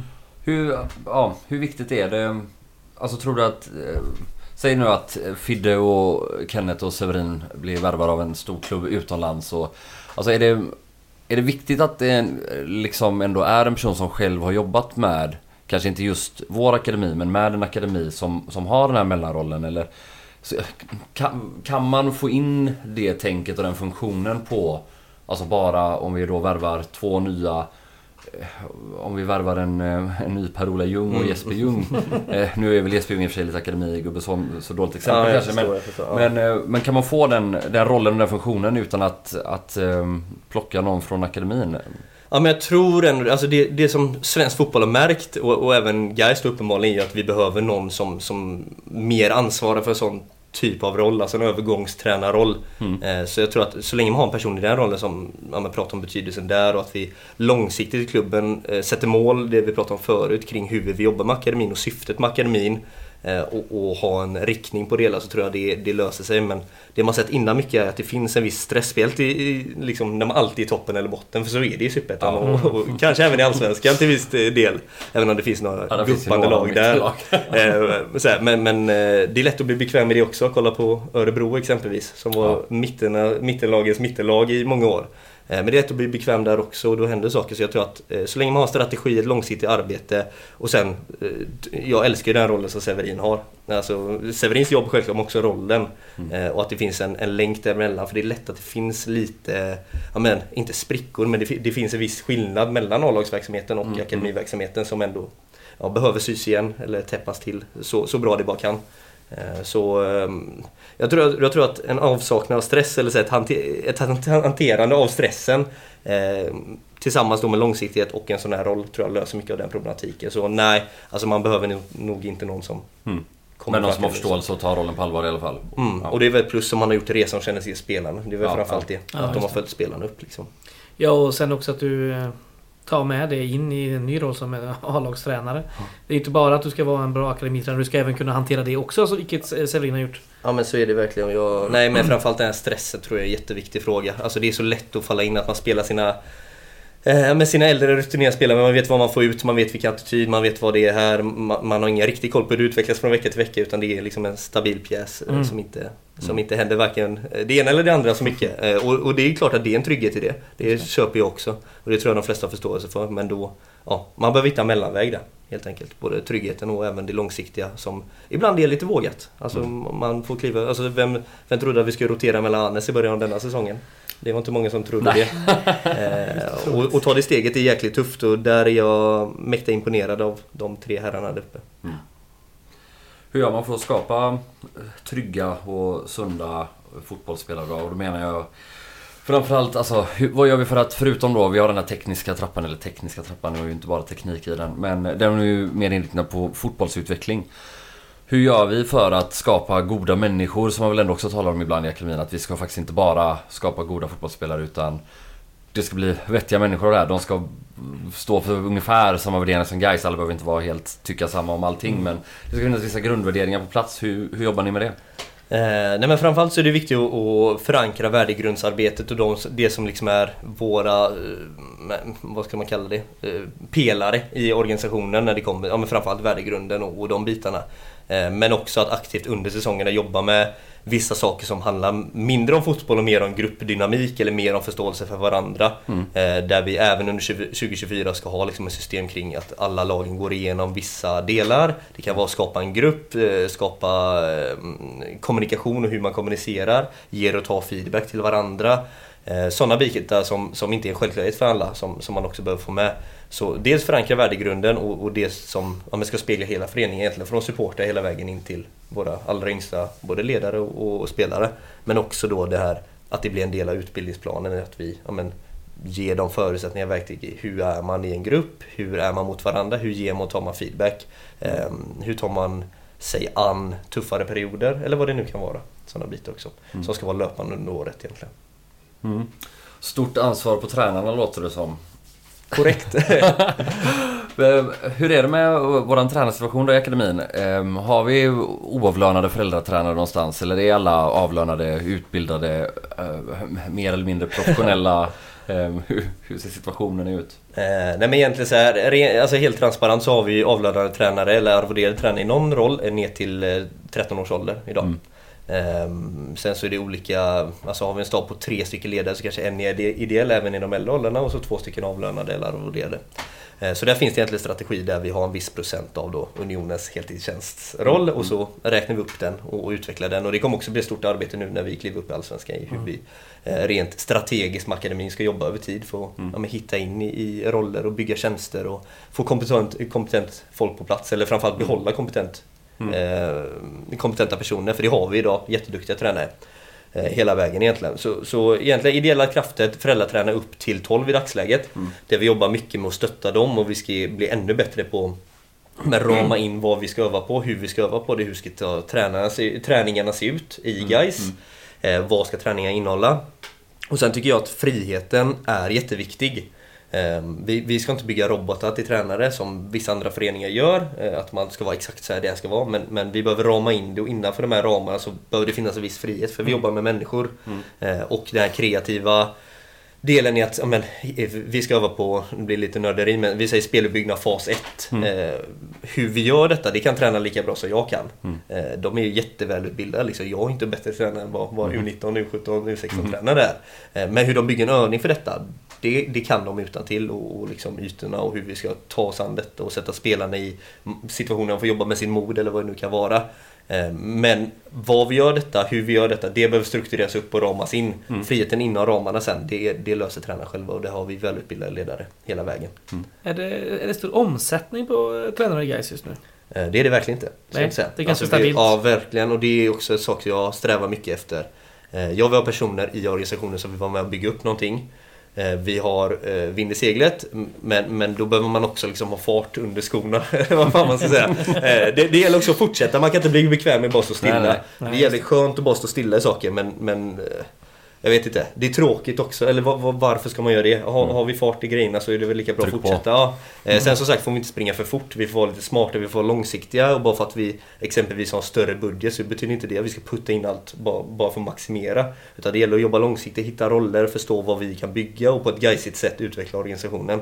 Så nej, vi har verkligen, alltså jag tror två ledare ut och kanske sex, sju in just för att bredda ledartrupperna till nästa Ja, år. just det. Eh, så. Eh, På tal om, eh, på, om budget. Vad, vad kostar en akademi? Vad kostar Gais akademi per år? Eh, ja, alltså egentligen så här enkla svaret runt två miljoner. Mm. Ungefär. Eh, sen så är det lite vad som är vad. Det, det är vi Vad en kostar del av Malmös akademi? eh, ja, typ våran A-lagsbudget. Ja. Tror jag. Ja. Eh, om jag får gissa. Eh, Ja. Praxis är egentligen 10% av klubbens budget om man säger så på kostnaderna. Mm. Eh, så ja, det brukar spegla, har man 50 miljoner det blir 5 miljoner i Ja, akademibudget eller så. Det är det enkla svaret, så enkelt Ja. är det inte. Och vad Nej. vi avräknar på klubbstugan, vilka utnyttjar det, vilka lokaler. Ja, alltså det. då, det blir en jäkla härva. Eh, Men, men eh, ja, där någonstans. Och, så här, vi, vi har tillräckligt eh, med pengar för att göra det jäkligt bra idag. Eh, Och vi har en trygg, jag känner en trygghet i att vi har tillräckligt med, med kapital för att vi ska kunna ta oss an nästa nivå. Både certifieringsmässigt men också eh, i, i delarna vi själva känner att vi vill utveckla kring vissa delar. Mm. Eh, Bland annat expertisbitar och sådana inom vissa områden. Så. För om vi ser till eh, 2021 så var tanken att eh, höja eh, akademibudgeten till eh, 2022 och så åkte vi ut så det blev istället beslutat att vi, vi rör inte budgeten, den, den får ligga samma, vilket är tacksamt såklart när man ändå tappar halva sin omsättning eller ja, lite drygt, i alla fall en tredjedel. Eh, har den ökat nu efter eh, avancemanget? Eh, ja, så. Eh, men vi, alltså så här, kort och gott så, så, eh, så hoppar vi väl in lite, eller backar bandet lite i den här strategin för att strategin är jätte, jättevälformulerad. Det finns, finns bra idéer i den, framförallt när det gäller utökning av tjänster eller hur vi ska bygga tjänster över tid och, och behålla kompetent personal på plats. Eh, så, så egentligen så här, vi, vi backar bandet och så hoppar vi in där vi var där och så skriver vi om den till 2024 egentligen. Ja, den här akademistrategin är planen. Eh, sen så stämmer inte allting i den för det har hänt mycket. Vissa roller kanske inte kan kombineras utan vi har andra kombinationer. Exempelvis kanske inte vi har en... eh, Det kanske stod där att vi skulle ha en U19-tränare som också var koordinator. Det kanske våran U17-tränare har istället. Eller så. Sen små detaljer som bara speglar guys 2023, 2024 istället. Eh, Men, men så här, kort och gott, vi, vi backar bandet, utgår från där vi är Ja men framförallt förra året, vad kan vi vara nästa år? Och sen så, ja det, det kom ju som en, en chock eller på att säga men att vi gick upp i Allsvenskan är ju ingen del av våran plan i akademin utan vi behöver jobba på ett konsekvent sätt oavsett. Eh, oberoende av det egentligen. Påver påverkar det något? Eh, Alltså säga... Som vi ser nu kanske till exempel om man eh, ser ett truppbygge här nu inför nästa år och ser man vi, nu kanske vi är lite tapp på ytterbackar. Mm. Är det väldigt mycket som man ska kolla vad har U19 för ytterbackar? Är det så? Hur går man tillväga? Påverkar det någonting också att vi hamnat i Allsvenskan eller är det liksom Alltså, bara kör som vanligt? Nej men alltså jag tror så här, vi, vi ska bygga så bra spelare som möjligt och närheten i var spelaren ligger, det tror jag man har dratt i ytterligare steg. Alltså vi vet vilka spelare i och med, med både närheten som, vi har ju rotationssystemet, 21-22 spelare som har testat på A-laget. Mm, Eh, men också att, att Severin bland annat följer spelarna nära och kan jämföra på ett bra sätt. Eh, så, så jag tror att att vi har tagit oss upp i Allsvenskan, det finns ingenting negativt med det överhuvudtaget. Det är, självklart är ribban ännu högre för våra akademispelare. Men, men ja, du får en dunderchans att faktiskt ta en allsvensk plats också. Vem älskar inte det? Alltså man måste våga älska utmaningen också, inte bara vara rädd för att ribban ligger högt. Eh, då kommer man ingenstans inom Ja, fotbollen. det måste ju vara roligare att spela i en allsvensk akademi än en akademi. Lite så, lite så. Så Nej, men, och, och jag menar så här, locka spelare, att vi har spelare som söker sig till oss och sånt. Det, det är klart det är så, men jag, ju, vi vill inte heller ha spelare som bara letar efter var gräset är grönast. Eh, så här, vi vill bygga Gaisare och att de ska vara med så länge som möjligt. Och kan vi ta hand om någon som har varit med sedan 5-6 år, eh, års åldern så är det guld värt. Alltså, Mm. Det är ju kanon. Då vet de vad Gais är, de känner till vår värdegrund, vad vi står för. Eh, De, de har med sig de här utbildningsbitarna som vi hade i trappan och, och, så, så de ska vi verkligen värna om. Eh, Och inte bara leta efter de som men vill ta sig till Gais för vi har hur många som helst som vill börja spela Gais. Eh, Framförallt i de yngre åldrarna. Jag tror vi har 350-400 om året som vi börjar. Mm. Från 8 till typ 13 års ålder. Till hur många platser? Ja, det är, vi ska bli betydligt fler. Ja. Eh, Det finns ju en, en akademistrategi att vi ska bli betydligt många fler fotbollsspelare än ungdomar i Gais också. Mm. Eh, Så något fler platser men över tid så, ja, vi har ju fortfarande en ribba som ligger att det, det finns en intagningskrav om man säger så. Mm. Eh, Vi är en elitförening och som vi säger, ska vi, vå- vårt huvudmål är att vi ska ha upp spelare till A-laget. Och det, så det är en lite gråzon där, man får vara lite smart och göra det på ett humant sätt också, det är viktigt. Såklart. Just eh, fler ungdomar och eh, det rimmar sådär med just Gaisgårdens eh, kapacitet just nu. Vad är, vad är, hur ser du på det och vad, vad gör ni rent aktivt eh, i akademin? Eh, Men så här, vi, eh, det, det, det, det svaret vi har egentligen är att vi har flyttat eh, stora delar av ungdomsfotbollen till Heden. Mm. Vi har blivit en, en centrumklubb och, och det tillkom lite saker med det. Bland annat att vi är, har en zonutvecklare, Sebastian Törnqvist, i centrala zonen där vi hjälper till. Så jag sa, vi, vi ser en viss brist i att klubbar inte är så välutbildade, när kommer, eller spelarna där är inte lika välutbildade som vi hade velat. Så, så i alla zoner egentligen så hjälper elitklubbarna respektive zon och där är vi då med i den centrala zonen numera och stöttar upp klubbar som Azalea, Ja, vill du förklara snabbt vad de här zonerna är bara? det kan jag göra snabbt Ja. om vi leder oss in tillbaka. Nej men så här, zonen är egentligen uppdelad efter områden där, där man får ett specifikt område. Häcken naturligt har Hisingen, vi har den centrala zonen. Där vi inom den här zonen och klubban som ligger i den zonen, eh, där har vi ett visst ansvar i att utbilda dem. Vi får självklart en peng för detta som vi kan sätta på en, en viss person.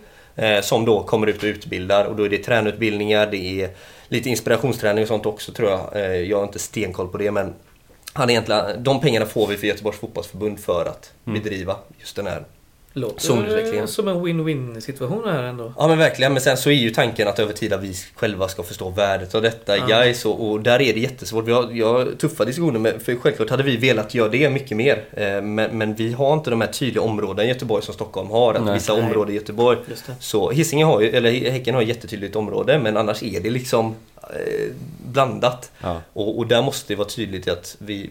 Det, det är svårt att se vinningen alltid i detta. Jag förstår vinningen att vi kan hjälpas åt och lyfta Göteborg, det gör vi jättegärna. Men att vi i, i det långa loppet ska exempelvis få in duktiga spelare när vi är 15. Ja, men det är mycket möjligt att de går till IFK eller till ÖIS eller så också. Mm, Eh, Så där är det en balansgång och just nu i dagsläget så vill vi inte, jag i alla fall, putta till några pengar där. Även om jag förstår värde för vi har interna saker vi behöver liksom jobba med först. Mm. Eh. Prioriteringsfråga liksom. Eh, Ja exakt, Och, men, men så här, det är en win-win situation just nu men det kommer dra sig mer mot att vi kommer få större ansvar. Eh, så, så låter det i alla fall just nu. Eh, Men, men där kanske vi ska landa också. Det, är- det är för en Mm. god saks skull också. Ja. Är- Snabb, eh, eh, du sa Häcken och Hisingen. Vi Ja. har City. Typ. Mm, Men vad, ja, vad har ÖIS och IFK? Oj, ÖIS har Mölndal, Härryda, tror jag. Eh, De har, och sen så IFK har just nu ingen eh, där. Och Häcken också blivit av med en av sina personer. Jag tror de har två personer i de tjänsterna. Inte 100% på detta, så jag kan inte ta gift på det. Men Mhm. de, IFK har just nu ingen person i den roll. Eh, Men de eh, letar efter. Intressant. Ja, om vi då ska bolla tillbaka till ursprungsfrågan innan det här var. Redan glömt det. Ja, men exakt. Ja just det, ja, men det var Heden va? Ja, precis. Där var Eh, nej, men, och då har vi egentligen i dagsläget bedriver vi verksamhet för våra 10 till 13-åringar eh, på Heden. Okej. Eh, så det är enkla svaret. Då ska vi bli ännu fler, då är det framförallt på Heden i de åldrarna. Ja, Ja, finns det plats på Heden? ni ska lämna Heden nu har jag bestämt. Ja, Pushers. alltså. nej då. Eh, nej men det finns plats. Ja. Eh, det, det ska inte vara, alltså vi utnyttjar mycket sjumannaplanerna, Ja, eller sju mot sju som det heter numera. Eh, och eh, sen så räcker en, en 11 manna, 11 mot 11. Eh, Mm. Väldigt långt också. Alltså vi kan dela in det för de allra yngsta i, i fyra Ja, i kvartar om man säger så. Eh, så. Så det ska räcka. Sen så har vi våra begränsningar också. Vi kan inte dra det till sin spets. Nej. Eh, Men, men det finns en del att göra och att vi ska växa in successivt i den här ökningen är jätteviktigt också. Eh, Det finns ett mål att vi ska nå tusen stycken fotbollsspelande ungdomar. Det inkluderar ju Gårdsten och och Ja, de andra projekten också. Eh, Och även flickfotbollen är viktigt. Det ligger inte under mitt paraply om man säger så. Utan jag är ju anställd på pojksidan. Men, men det är viktigt att vi växer försiktigt så att vi inte blir för stora om man säger så. Och, och Vinningen med detta är ju att vi vill utbilda spelare under gais paraplyt Vi vet att vi tror på våran utbildning, vi bygger framtidsmedlemmar. Eh, och så, det, så det är en balansgång. Vi ska inte dränera några klubbar eller så heller. Det är jätteviktigt och, och att inte folk missuppfattar det. Utan vi ska bedriva en gais verksamhet ehm, i, i. Målsättning på 1000. Vad ligger vi i dagsläget då? Oj, alltså med, med eh, alltså runt 300 med våra egna gaisare. Okej. 250-60 med våra egna gaisare om man säger så. Gårdstens eh, gänget är väl nästan 100 tror jag. De är Oj, lite svårräknade ibland. Ja, men de är många. mäktigt. Eh, så så de är, det är många. Eh, och sen flickfotboll har jag dålig koll på just nu faktiskt, det får jag erkänna. Eh, men det börjar bli fler och fler och rent, rent sök, alltså de som söker sig till Gais om man säger så, där finns ju hur många som helst.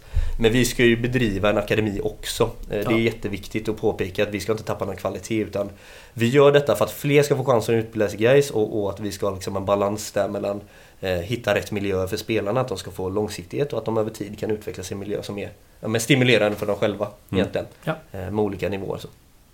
Ja, vi är redan inne på det och nosar rätt mycket. Men eh, vad är Gais roll i, i Göteborgsfotbollen?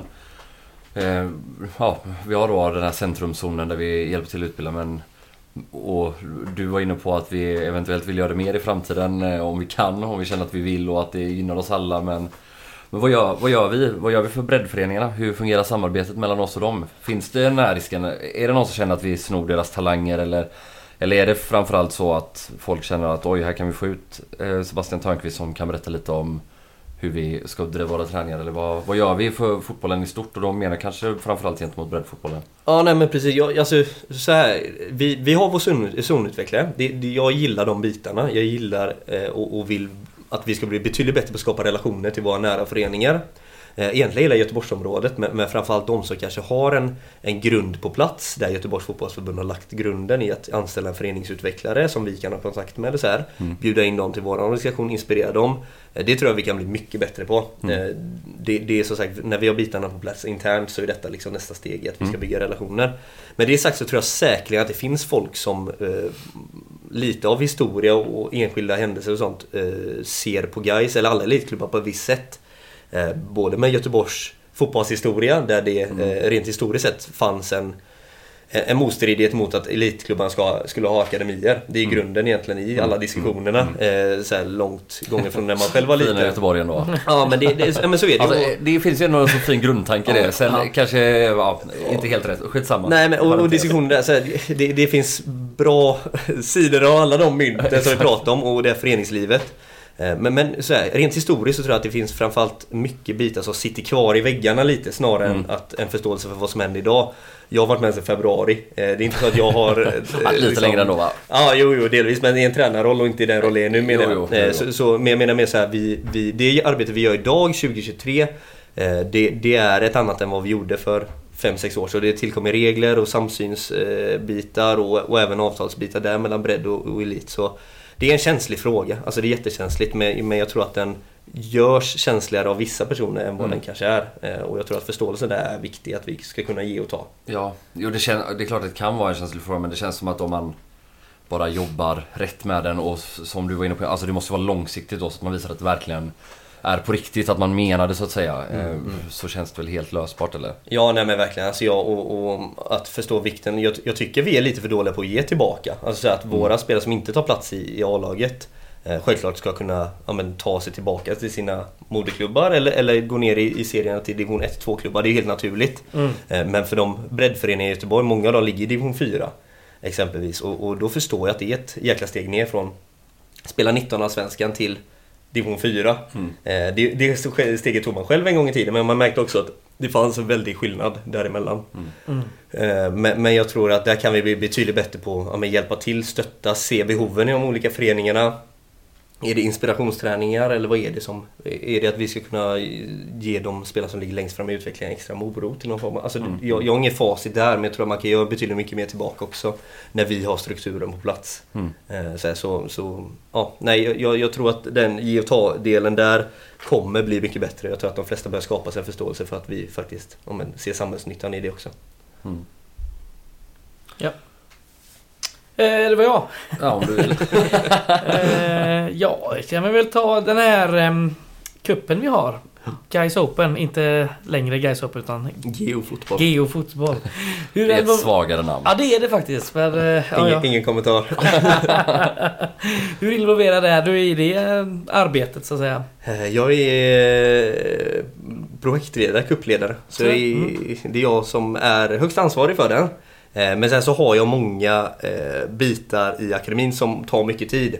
Eh, Så exempelvis i år så hade jag extremt mycket stöttning, eller David Perid gjorde Ja. extremt mycket i den här kuppen. Guld värt i de frågorna. Eh, Och, och även våran för detta P6-assisterande Arvid Löv hjälpte till mycket. Roland Blomstrand detsamma. Så, så det finns många personer i, i organisationen som hjälper till mycket. Så bara för att jag är ansvarig så har jag verkligen inte gjort mest i detta. Det, det ska jag verkligen påpeka. Utan det är personer som har dratt stora last där. Eh, sen så väl på plats har vi hjälps åt till att få ihop det rent organisator, eh, organisatoriskt. Eh, sitta där.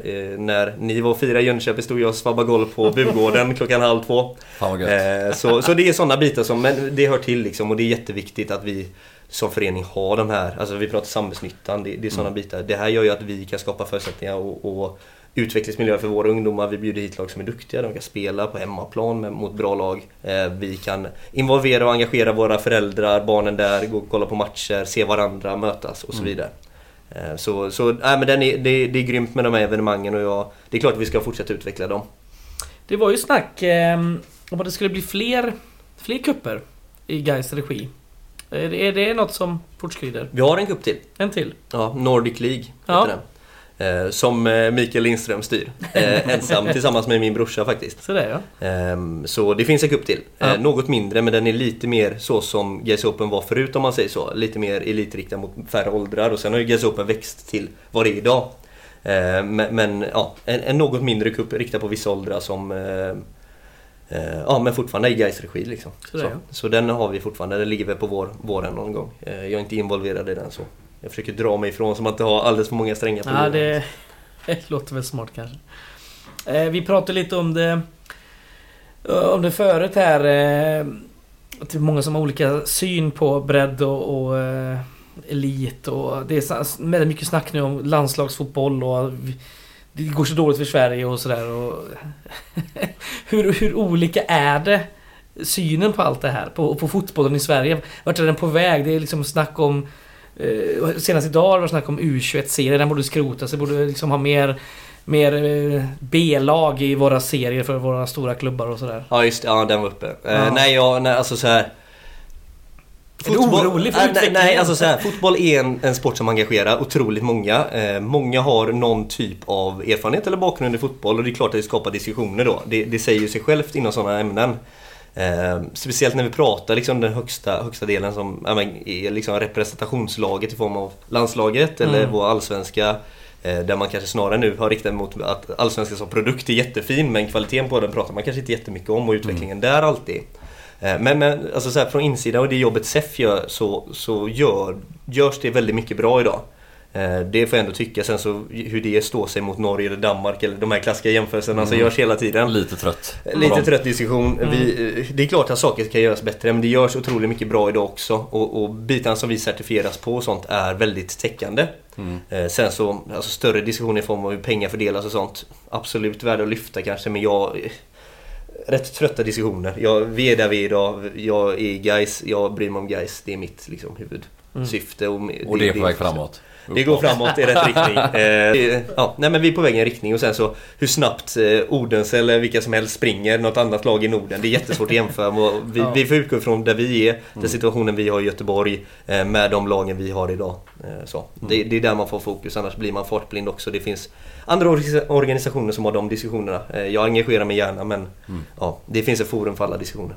En annan eh, snackis i samhället och som involverar fotbollen är ju det här kriminella intressen eh, runt agentfirmor och även i, i fotbollsakademier och, och spelare och allt möjligt. Eh, är det något som märks redan på akademinivå eller är det någonting som man liksom pratar risker om? Eh, Ja, alltså prata risker har vi gjort. Eh, spelat i år. Eh, Spelat med Sköldmark har ju lyft liksom bitar när det kom upp och, och det var egentligen utskick från förbundet också att vi var tvungna att ta i detta. Vi har Alltså ingen problematik med det vad jag vet. Jag har ju de flesta agentkontakterna om man säger så. Eh, spel, spelat gällande ak eh, akademispelarna. Mm. Eh, Men vi har ingen problematik så. Eh, Vi, ja, de personerna som vi känner personer som ja, men, jobbar under lång tid och ofta är det inte professionella eh, agenter på det sättet utan snarare liksom, ja, men, tränare som känner spelare eller så, Eh, så men, men där får man också vara väldigt tydlig med att skilja på att agenter idag, de, de är en, en klick som ska certifieras på ett visst sätt och, och vilka som har löst det eller inte är jätteviktigt att skilja på. Eh, Jag tror att man idag när man pratar om den här biten ofta blandar ihop eh, bara personer som är i och runt fotbollsklubbar eller i och runt och, när vi pratar just om agenter så är det klart att det är en jättestor problematik som inte jag är tillräckligt insatt i vad som hänt i Stockholm och hela den biten. Mm, mm. Men, men vi får vara väldigt försiktiga där och det, man ska behandla den frågan med stor respekt också eh, utifrån oss. Ja, man ska väl ha med sig att det där regelverket kring agenter och certifiering är väl typ jättenytt. Alltså purfärskt. Ja, ja, ja. Det har precis gått ut i första kull vad jag Mm. fattade det som. Med certifierade agenter eller vad man ska kalla det. Men, men det är jätteviktigt, alltså, oavsett om vi har personer som vi litar på eller så här, som, som är agenter idag så är det viktigt att vi gör det rätt från början för det är ju för en, en god sak och det är klart att vi måste behandla den certifieringen med, med högsta möjliga respekt. Så vi, vi, vi startar i rätt riktning och så får, får agenterna bevisa sig liksom tillräckliga i sådana fall. För menar, har man rent mjöl i påsen så är det inga problem egentligen. Då, Nej, då löser man det med tiden. Mm. Så, så här, det är en jättestor fråga och, och det är klart att vi ska ha full respekt för den men ännu så är det inget dilemma som vi har märkt. Så. Eh, Men vi, vi är vaksamma och har koll på den. Är eh, Som alla andra föreningar i, i Sverige. Bra. Hur är det med rent spelare i eh, kanske den äldsta akademiåldern som eh, man har ju sett många som har rört sig mellan olika klubbar ibland tillbaka och sådär. Liksom hur, hur ser det ut? Det oftast man blir iväg, iväglockade till det, gröna, det grönare gräset? Eller hur, hur, hur parerar man sånt också när det väl händer? Ja, nej, men så här, re- rent historiskt har vi haft ett, eh, en, inte flykt ska jag verkligen inte kalla det, men ett visst dilemma vi tappade några spelare under några år. Vi tappade Mm. Gustav Berggren, vi tappade Dalao. Eh, I rätt tidiga åldrar. Eh, och, och det som tacklades då var ju att vi, vi skapade möjligheter, eller vi, jag var inte involverad på det sättet på den tiden. Utan det var ju då man spelade själv nästan. Men, Mm. men då kom, kom lösningen att vi skulle kunna skriva avtal med fler spelare. Från tidig ålder och där är vi nu idag. Så är det så att vi har talangfulla spelare då, då har vi en, en men klockren möjlighet att kunna skriva avtal med dem. Eh, Så, så, så tacklar vi det egentligen. Mm. Och sen samma åt andra hållet egentligen. Vi har full respekt för att vi... Ja, men det ska ju inte vi utbilda andra, spelare, andra klubbar spelare. Det är jag jättetydlig mot, mot alla. Utan eh, man är Gais för att man tror på Gais, man tror på utbildningsmetoden Gais. Vill man inte vara del av den resan så, så, och leta efter vad gräset är grönare. Det är, det är alltid den enkla lösningen men det är bättre att vattna där man själv står. Mm. Eh, och, och lösa det på plats. Och, och så här, fotbollsutveckling grundar sig mycket att vi bygger verktygen eller skapar förutsättningar men det, det ligger ofta på spelaren själv om man vill tillräckligt mycket. Att man alltid ger allt, tränar extra, alla de här bitarna som, som alla vet om. Så det, i dagsläget är det ingen problematik alls. Det är lite flykt hit och dit alltid i de yngre åldrarna. Framförallt föräldrar som vill flytta på sina barn Mm. och tror att det är bättre någon annanstans. Även åt andra hållet nu. Eh, Men, men annars så, nej, alltså jag ser ingen problematik som det har varit förut. Och, och är det så att vi skulle ha en spelare som eh, rör sig som vi inte har avtal med, då, då är det så. Då ser den spelaren att det är någonting där borta som lockar, lockar en annan klubb. Mm. Eh, Men när det gäller att vara främsta spelare, landslagsspelare och så vidare ska vi ha avtal med dem självklart. För det visar framförallt våra förtroende för dem. Mm. Det är jätteviktigt. Bra. Ja, den näst sista frågan av dem vi har skrivit ner. Sen har vi ett gäng lyssnarfrågor också då till dig. Men eh, hur håller ni er uppdaterade kring det senaste och bästa praktiskt? Alltså, är det bara förbundsutbildningar eller åker du världen runt och lär dig från andra akademier och jobbar ni med videoanalys och så vidare och så vidare? Vad är det senaste, hetaste och är guys en del av det? Ja precis. Nej men vi, så här, tränarna går ju sina utbildningar. Vi är väldigt noggranna med att de ska ha en utbildningstrappa. Ofta är det inskrivet i avtalet och vi vill ha en viss utbildningsnivå på dem. Eh, många av tränarna är också rekryterade utifrån, eh, ja, men till exempel från Göteborgs fotbollsförbund eller från Eslövs eh, fotbollshögskola eller vad den kallas. Mm. Eh, så de flesta har en eftergymnasial bakgrund som, som kopplas till idrott eller sport på något sätt. Mm. Eh, och det är en bra grund för då har man en Kanske en fördom på visst sätt för det gäller ändå att personerna är rätt men man har en bakgrund och en förståelse för forskningen och Mm, att saker ändras över tid vilket jag tror, vi pratar om vad som skiljer mest tio år tillbaka så tror jag att förståelsen för att saker rör sig i en, i en viss riktning och att man måste uppdatera sig. Man kan inte bara sitta på, på röven och, och tycka att allt är nice nu utan vi måste fortsätta utvecklas, hitta saker som ja, men passar in i vår organisation när det kommer till forskningsbitar och så. Eh, Men, men sen så har det dels kopplats det till att vi får krav från certifieringen. Eh, Vissa bitar biobanding och, och åldersmässiga bitar i fysisk mognad och sådana delar som vi har inte kommit speciellt långt där men det finns en viss, en viss progression där att göra kommande år och vi kanske behöver anställa personer som jobbar med detta aktivt. För det är inte min expertis, jag behöver bli betydligt bättre på detta och även vara tränare i organisationen. Eh, Men det måste finnas en vilja där att att ta reda på saker och där har vi då tränare som är nyfikna och, och det rekryterar vi även tränare på, eller jag.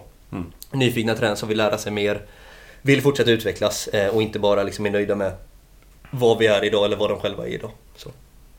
Eh, videoanalysbit och sådana bitar, det är en del av organisationen, det är en självklarhet idag. Att vi kollar, eh, vi, alla träningar ska filmas nästa år, alla matcher filmas idag. Det måste blivit ett jädra uppsving ändå de senaste åren. Men sett de här, de här kamerorna som är överallt. Jag menar, det måste vara uppskattat också gissar jag. Ja, nej men framförallt alltså det Tränare och spelare. Ja men verkligen, och, alltså, vi, vi kommer ju få stationära kameror på Gaisgården nu som alltid står där.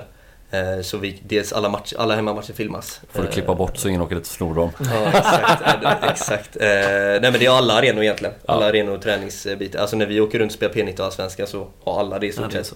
Eh, så, det är dels för att hänga med i tekniken men också för att koppla det till verktygen som finns idag. Tänk Eh, vad många gigabyte det är på de servrarna vet du. Verkligen. Nej, men så, och vi kan, med, med detta kan vi filma träning och allting och de här gamla eh, VO-kamerorna, VO är jättebra men nu tar vi oss in i ett Mm. nytt system.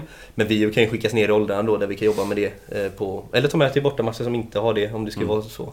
Eh, så. Men, men själva klippningen och det individuella är gu- guld värt att vi kan exempl- exemplifiera, jävla ord. Ja, det är. Eh, det är för att vara ungdomar, exempel ja. på, men här är du, vi pratar mittback och modighet förut. Här, här har vi tio exempel på när du faktiskt är modig, kliver be- förbi första linjen i press. Här har du ett exempel där du bara lämnar över det ansvaret på någon annan. Ser du skillnaden, vad kan du ta med dig? Typ så. Det är jätte, jätteviktigt liksom. Hur... Hur mycket får man liksom hejda unga spelare från att vilja ha videoklipp från när de gör goa, goa skills eller de skjuter ett, ett snyggt mål i krysset? Hur mycket måste man mota dem i grind? Ah, men det är, det är tränaren själva som bestämmer standard. Alltså vill de klippa ut deras snygga mål och så, så får de väl göra det. Jag vet att vi har vissa spelare i, inga namn nämnda, men i vårt U17-lag nu, nya U17 som har klipp på allt. Alltså. Ah. De visar mig, de, de kommer in och käkar mycket lunch och sånt efter skolan hos mig i kansliet. Alltså jag ser så mycket olika klipp och här, kolla här när han ramlar och kolla här när han blir utbytt och kolla här mitt mål och jag tänker jag hade satt den här chansen och så här. Så, nej, jag, jag, alltså, nej, det får tränaren själva stå för. Jag, eh, det är väl kul, alltså samtidigt. Det är väl jättebra att Ja. de får eh, se själva och sen får de med ett snyggt mål eller när någon trillar på boll eller hur fick jag rött kort här eller så här. Då, Ja. Då, det är väl bara roligt. Det är bara bra, ja. Han är så, länge det inte tar, ja, men så länge det inte tar tid att träna från deras arbetsbit så bryr inte jag mig jättemycket. Ja, Så det- länge de inte gör det på avlönad arbetstid. Helst inte. Ja, det gör de ju garanterat för de, det är Exakt. dygnet runt arbete att vara fotbollstränare. Eh, Men eh, nej, verkligen så. Eh, Prioriteringen är viktig. ja. Ja, och du får avsluta vårat frågesegment då med att önska dig x antal saker. Tre skrev jag här innan men du får önska dig färre eller fler om du vill.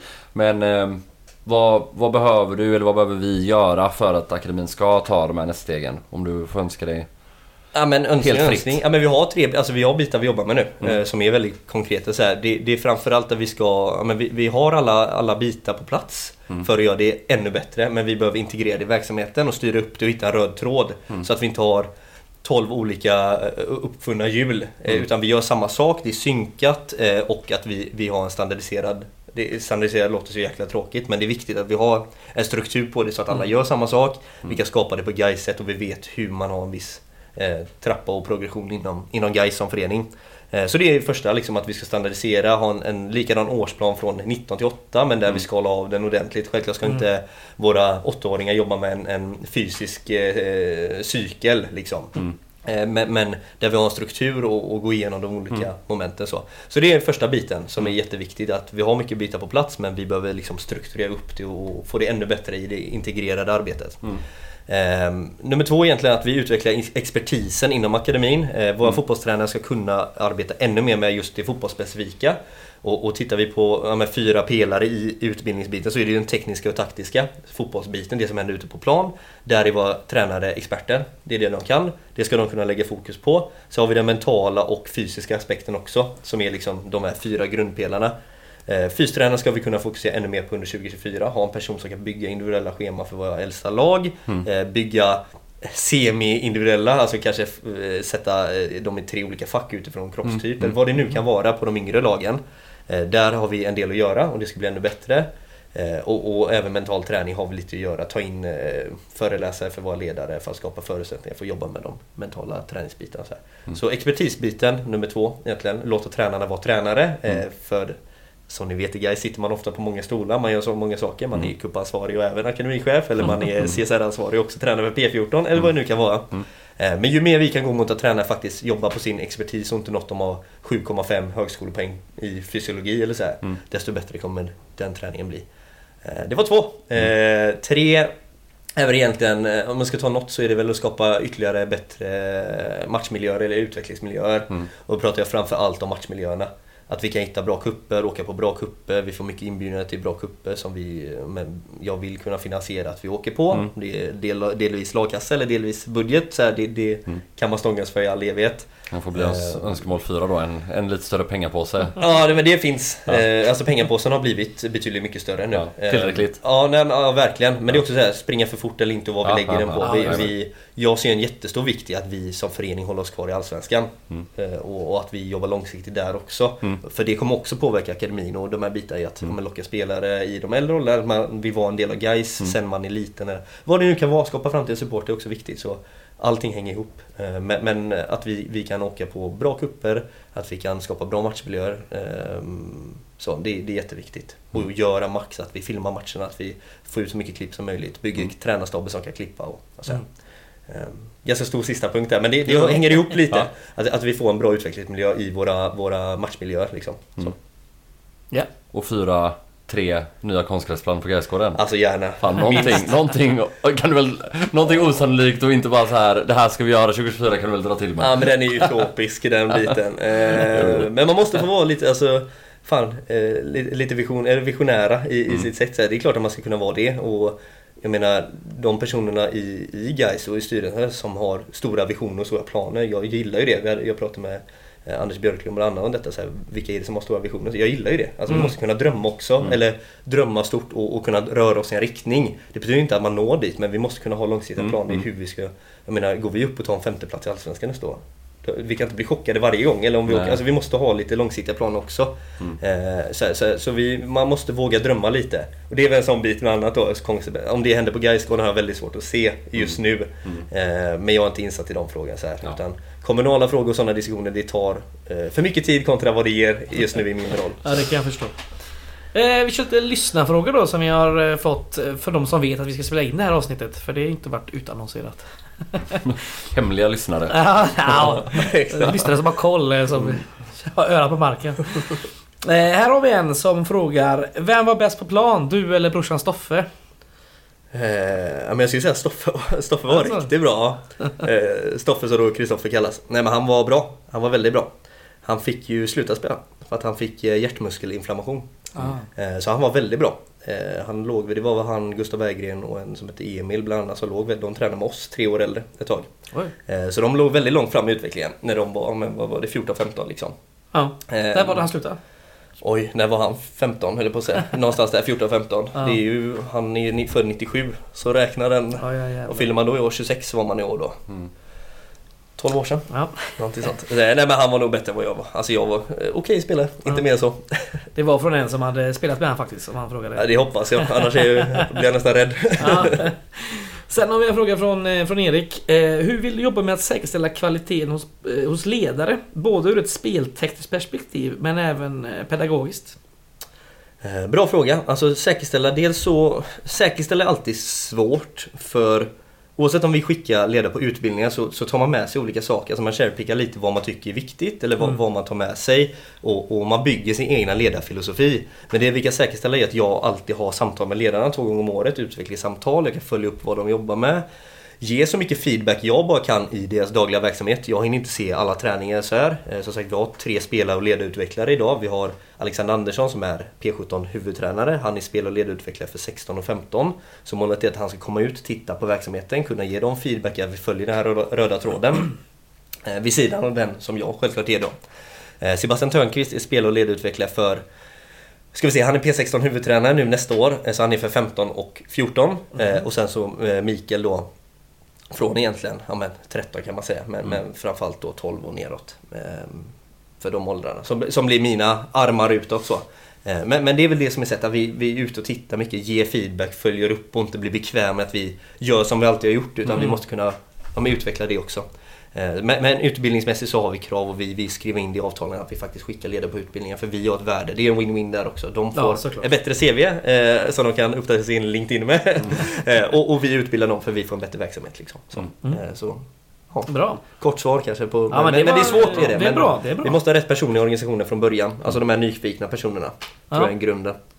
Sen eh, har vi en fråga från Elis som hälsar. Eh, vilket tifo var han med och målade som han är mest nöjd med? Eh, oj, eh, mest nöjd med... Fan, alltså jag har inte det. Ni, ni ra- rabblar alltid upp massa historier och sånt. Det, kommer inte jag ihåg. Eh, men några derbytifon var ju alltid, det blir lite speciellt. Ja. Eh, när folk pallrade sig till lokalen och målade för en gångs skull. Var det. Jag själv var alldeles för dålig på det ofta. Eh, men så här, alltså, rabbla årtal och sånt, det kan han inte begära mig Elis. Då, får han, då känner han mig inte tillräckligt bra. Eh, men något av derbytiforna var alltid... Ja, han hade en, en till fråga. Hur var det att jobba för Malmö? Är det en tydlig skillnad i att vara i Skandinaviens mäktigaste klubb och sen en liten parentes om Malmö? Roligt, roligt? roligt, kul. Kul att även han kan. Nej men jag, eh, nej det var, det var alltså man, man blir framförallt inspirerad. Eh, Men jag menar, pratar vi scoutinggrupp i Vadde så hade vi sju personer där. Eh, Det är typ vad vi har totalt på Gaisgården i eh, frågorna runt omkring eller sportkontoret. Eh, men det är otroligt kul att se vissa Robin Asted och de här, hur de jobbar eh, när de sitter uppe klockan fyra i, i Uruguay och, och är med på videomöten och sånt liksom. Det är häftigt. Eh, men jag... Nej, framförallt inspirerande. Alltså jag hade ju inte jättemycket, jag var ute och kollade lite träning och sånt här men annars så är det inte så att man jag, jag är inte involverad där och jag var inte där nere så, så det kan jag verkligen inte ta någon cred för överhuvudtaget. Jag har ingen insikt i verksamheten som ungdomsverksamhet. och Så här. Men det är inspirerande att se hur en organisation byggs och hur man kan ta vara på pengar på långsiktigt sätt. Mm. Eh, Som de faktiskt har gjort på ett Ja. imponerande sätt. Eh, Även Ja, om, får man ge dem. Men vissa begär ju att de ska alltid vara i toppen på Allsvenskan. och Så här. Det, det, Och det är de ju också. Ja, nej, de är ju alltid, ja, det var något år nu de kom sexa eller vad det var. Eh, Ja, För några just år sedan. Fyra blev de väl ändå? Ja men var det verkligen så? Ja det kanske var så till och med. Jag tror de droppade någon. Fyra är den sämsta placeringen på Ja, det kanske 12 år eller? Ja det kanske jag var kan så ha till och med. Ja, nej, men, eller om det var femma, skitsamma. Nej, Det men, och bra. samtidigt så, så måste man nog ha en förståelse för att pengar gör inte allt heller. Och, och jag tror att den långsiktiga säkerheten i det och hur man jobbar över tid är nog viktigare än den kortsiktiga framgången. Och, och resultaten av det de jobbar med nu tror jag man kommer se kommande år. Eh, snarare än det som har varit sedan de var i ja, men, Europaspelen om man säger så. Mm. Eh, så. Så det är inspirerande framförallt. Tar du sista lyssnarfråga kanske? Det kan jag göra. Det är från eh, våran också vän SLO Jonas då. Och han undrar vem du tror är den nästa akademispelaren som kommer göra en Arnes eller Bäckman? SLO, är det han som alltid tar fel på mitt eh, namn också? Ja. ja, det kan vi börja med att han får skärpa sig alltså. Ja, det är bra, det är bra. Helt otroligt faktiskt. Ja, det är... Eh, och då har ändå pikat dig några gånger att det blir fel innan. Så här, Ja, ja, ja, ja. jag får ju... Ja, eh, blir mållös nästan. Nu ska vi se. Nästa Bäckman eller Hannes. Alltså Det jag, behöver inte vara en mittback men Nej, också nej. slå sig in. nej men jag, alltså så här, slå sig in svå- Alltså slå sig in ofta kanske tillfällighet också. Alltså det är klart att vi över tid ska ge spelare chansen. Men sen så handlar det mycket om att ta chansen. Alltså det är Mm. Systematiskt kan vi få in spelare över tid, ge dem en position i truppen. Det, det tror jag snarare är grejen. Sen så därefter om de tar chanserna, hur mycket de kan utvecklas i sin roll, eh, trivas med seniorfotbollen och utmaningen där. Men, men några som ligger nära, eller väldigt nära, är ju Simon Sjöholm som är en duktig spelare. Liksom. Mm. Eh, som har varit landslagsspelare sedan han var liten eh, och än idag är en väldigt framstående spelare som behöver ta det sista steget. Och det är ett ganska stort steg. Alltså det, det, är ett svårt steg. Vad behöver han göra för att ta det sista steget då? hade jag kunnat det, så Nej, men så här, det som han får mycket feedback på är ju, är ju liksom bitar i ja, förståelse för försvarsspelet och bitarna mm. där. Eh, och, och, kunna ta instruktionerna där och förstå det. Men sen så är det självklart att kunna ha sin impact som man har i sitt sin speed och kunna slå sin gubbe, vara stark i ytterzon, komma in och, och fortsätta vara en poängspelare på vissa plan eh, och kunna ta det från juniornivå till A-lagsnivå. Mm. Eh, alltså jag tycker man allmänt i svensk fotboll pratar mycket om att man ska bli bra på sina sämre egenskaper alltid. Det är mm. liksom det, ja men kollar vi på utvecklingssamtal och så. Kim Källström, man ska maximera sina eh, goda. Det blir ju ofta så. Alltså tittar vi på utvecklingssamtal i klubbar så är det alltid så ja men eh, Joel du, du behöver bli snabbare, du behöver bli det här, det här. Men vilka är spetsegenskaper? För det är de som gör att du sticker ut bland ja. alla de andra. Alltså bredda spel är absolut jätteviktigt för att höja lägstanivån men spetsegenskaperna är de som gör att spelare faktiskt når toppen. Är, mm. är ändå min bild av det, även om det är en balans Mm. balansgång. Så, så framförallt att han fortsätter med samma sak och tar in det i seniorverksamheten och får möjlighet att göra det. Det kommer vara det. Men jag, nej, Simon är grym. Jag tycker han är väldigt imponerande.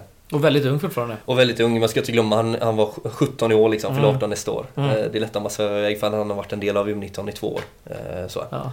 Inte ens akademichefen kan svara på vem som verkligen det är bara att se på Filip Bäckberg som kom från i stort sett ingenstans Nej, här i vintras. Alltså, men vi har jättemånga duktiga spelare. Så, så, ja men så är det. Alltså, vi har Elias som vi skrev avtal med i år som har en otrolig fart och, och framförallt så är jag imponerad av hans ambition och motivation i hur han... Alltså vi pratar mycket om, eller jag pratar mycket om maxintentionerna i, i övningarna.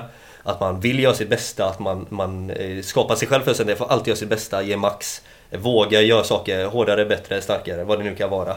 Eh, så att man utvecklas och där är han grym. Eh, han har fått mycket möjlighet. Han är med och roterar i A-laget denna veckan bland annat. Elias Semali va? Mm. Elias Semali. Ja, han är ett år yngre än Sjöholm. Eh, ja precis, han är 07 va? Just det. Spännande. Kul! Mm. Det var det va? Vi har ju fått en sista fråga. Vi, vi har sagt... Och nu ska du för en gångs skull då berätta varifrån frågan kommer. Ja, ja det ska jag verkligen göra. För en gångs skull finns det en poäng ja, i att berätta hur frågan har kommit till det finns oss. En poäng. Jag tycker alltid det finns en Vad händer med att rapportera in var frågorna kommer ifrån nu idag? Elis, ja, var kommer de frågorna? Okej, okay, jag kan säga efterhand ja, Nej, jag, jag var under. Jag är ju trogen lyssnare. Så ja, är jag tycker det är skönt att slippa det. Varenda gång. Den här gången till mästaren. Jaha, tänker jag. Varje gång sitter jag som ett frågetecken. Tänker vad i helvete, varför berättar du det? Allt behöver inte vara jättetydligt för dig. Nej, nej det, det, accept, det accepterar jag. Ja. Nej, men Elis och Jonas frågor kom från våran, eh, från våran WhatsApp-grupp. De andra kom från, eh, från eh, det här Discord-forumet. Ja, just det. Mm. Men den här frågan, den har kommit på posten. På ett ganska konstigt sätt. För jag har beställt en keps, som ni ser, som jag har på mig så vackert. Från det eminenta bandet Vasas Flora och Fauna. Och där är ju kapellmästare och låtskrivare och frontman Mattias Björkas, även Gaisare. Så han skickar med en fråga på ett fint handskrivet papper i min beställning. Fråga till Odorantorget. Placera in huvudtränarnas personligheter från 2013 till 2023 på en skala som man då har skrivit upp här på ett streck. Eh, från allt igenom toxisk i ena änden till very highly likable på andra. Mm. Så det ska vi göra nu. Ja, tar vi varsin eller ska ja. vi diskutera oss fram till ett gemensamt resultat eller hur, hur går vi tillväga? Jag vill också att det är personlighetsmässigt som att ja, man det är, en relation. Fotboll. Nej, nej, det är, det är personligheter som han har, eh, han har verkligen understrukit här då. Jag ska ja. väl börja säga alla som har varit här. Ja. De här åren, 2013 till 2023. Eh, vi har ju Thomas Askebrand. Eh, Per-Ola Ljung, han kommer inte komma så högt.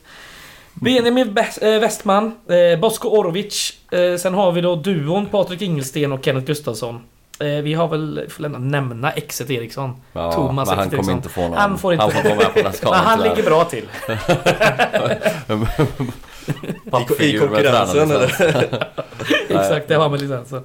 Eh, sen har vi Stefan Jakobsson och så Fredrik Holmberg då.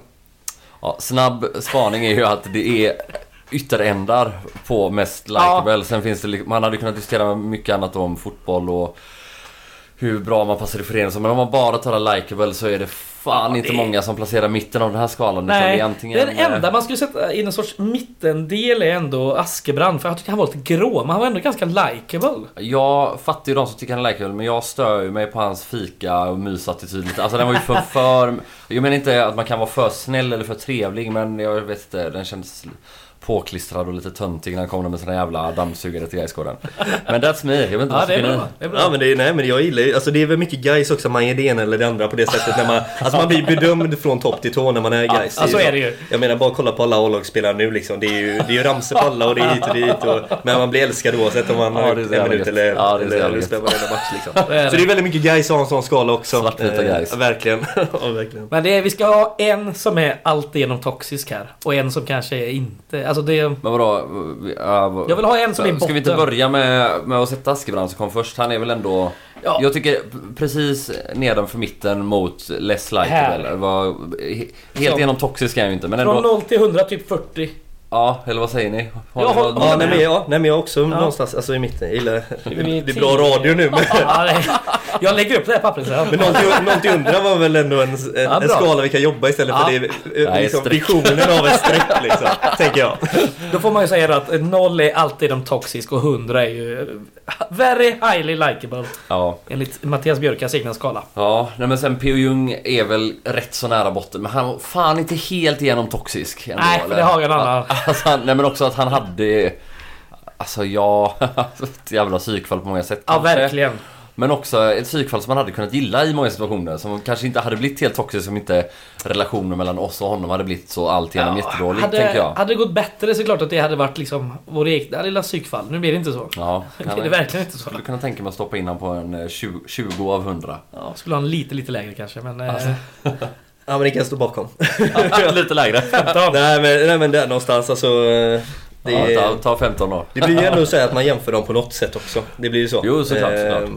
Alla hade kunnat vara på exakt samma värde egentligen så här, på den här fina skalan men eh, P, ja. P och Jung, det blir alltså Pool. I... Mm. Ja, Pol Pot. Ja. Ja. Eh, sen går vi till Benjamin Westman som var efter Per-Ola Ljung. Ja. Jävla fin gubbe. Jo men alltså han är ju, ja, han slår i toppen på Ja, hur för likeable han är. mig är han 100 alltså. Sen har vi då...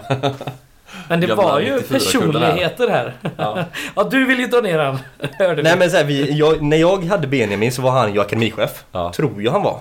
Också lite akademitränare. Ja, Så det är den bilden jag har av honom. Ja, just det. Eh, tränarbiten, det är också det här personligheten. Ja, exakt, jag, jag har inte kommit åt honom som personligen på det planet som tränare. Nej. Det är det få med de här, men där verkar ni göra stenkoll. Så ni har ju känt varenda jävel på den här listan. Känt och känt. eh, så nej, alltså jag hade nå- någonstans mellan eh, Jung och, och Thomas i sådana fall.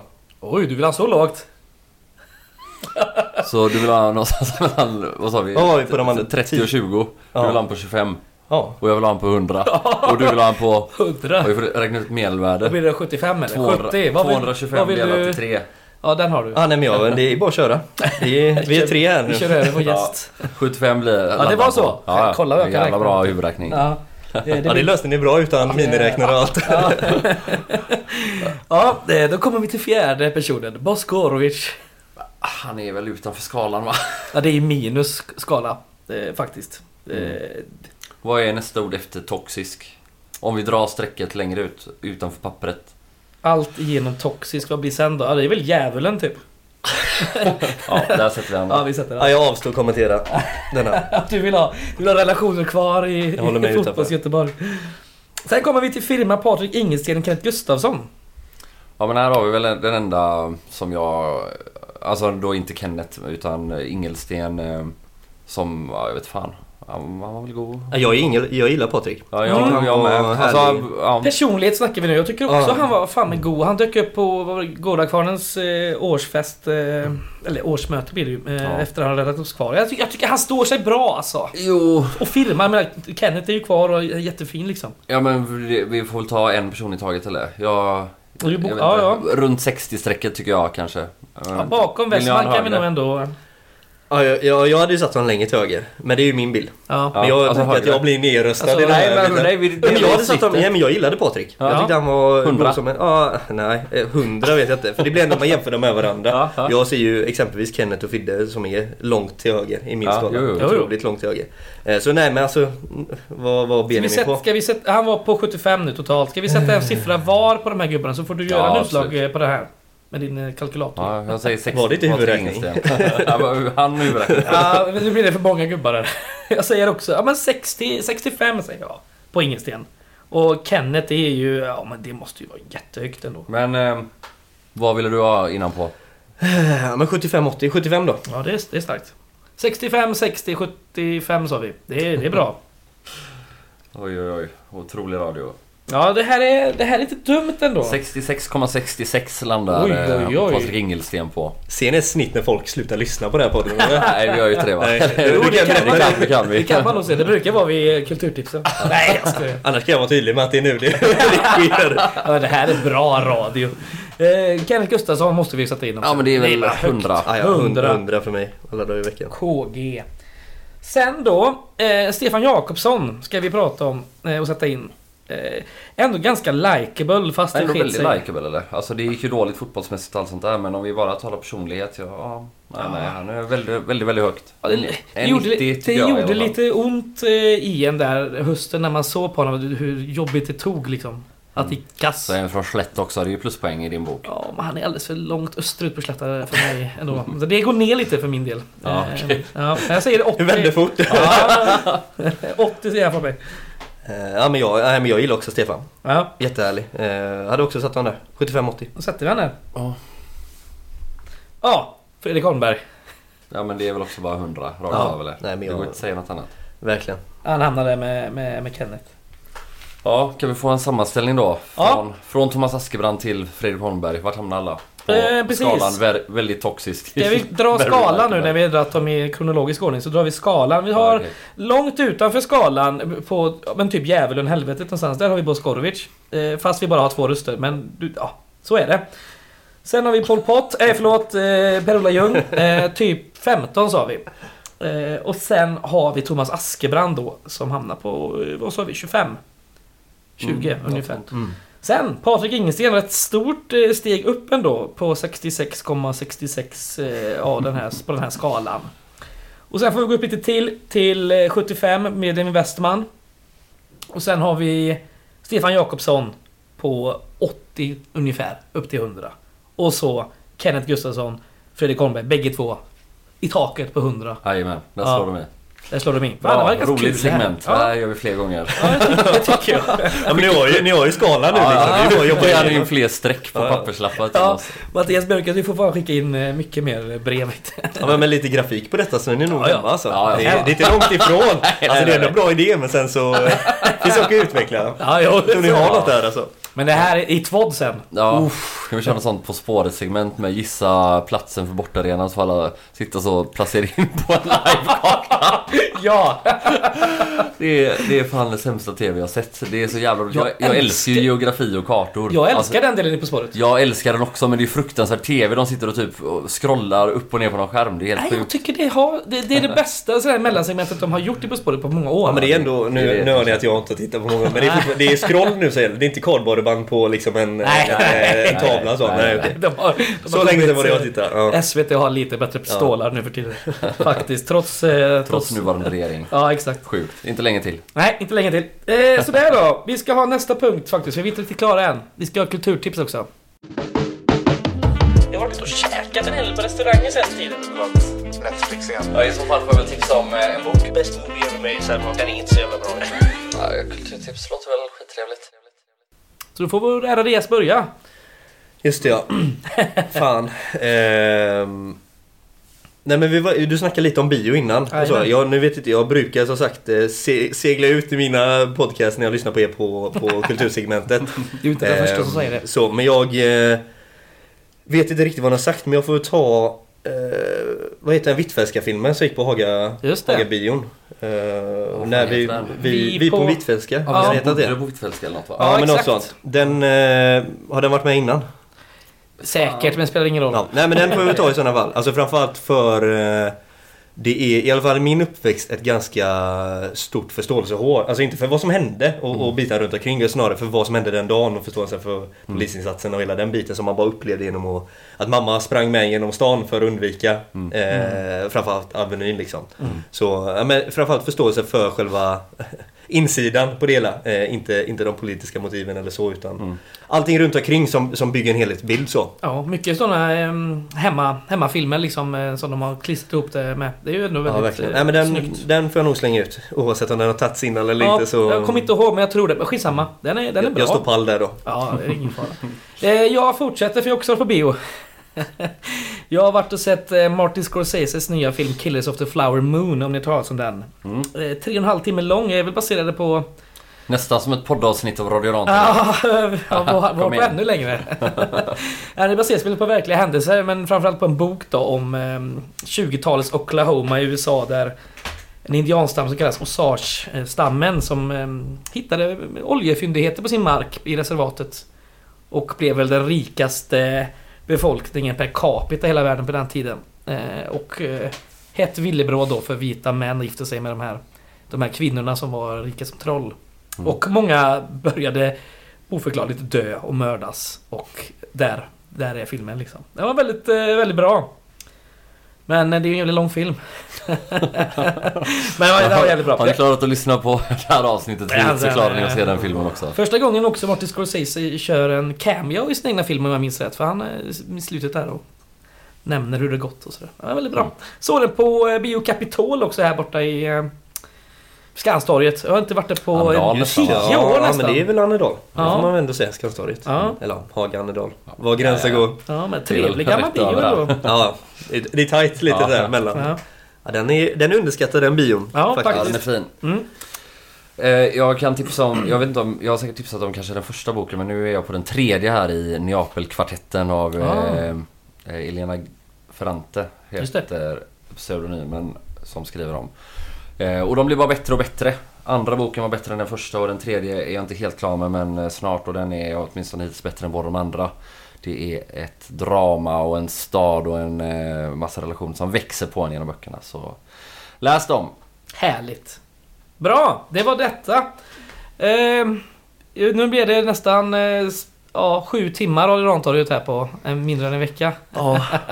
Men vi är snart tillbaka igen. Jajamän! Och jag lovar att inte ens gnälla på det. ja, det förra avsnittet var långt. Ja. Det du drog igenom i morse. Gjorde du det? Ja, Strong ja, är du är du. sjuk. Ja, det är det var bra. stabilt. Ja, men vad vi kommer prata om nästa gång, det, det blir en överraskning. Mm. Vad hade vi mest fel i då? Eh, Oj, nu är det ju fyra timmar att sålla i huvudet här snabbt. Eh, var, var ska vi börja? Nej men, jag, nej men jag tycker det var bra. Alltså framförallt så... Eh, nej men jag tycker, alltså det var ändå... Ni har ju väldigt olika, man fick alltid hitta nya delar och så. här. Det är ju det klassiska poddformatet, man har 100 pers i en studio och så.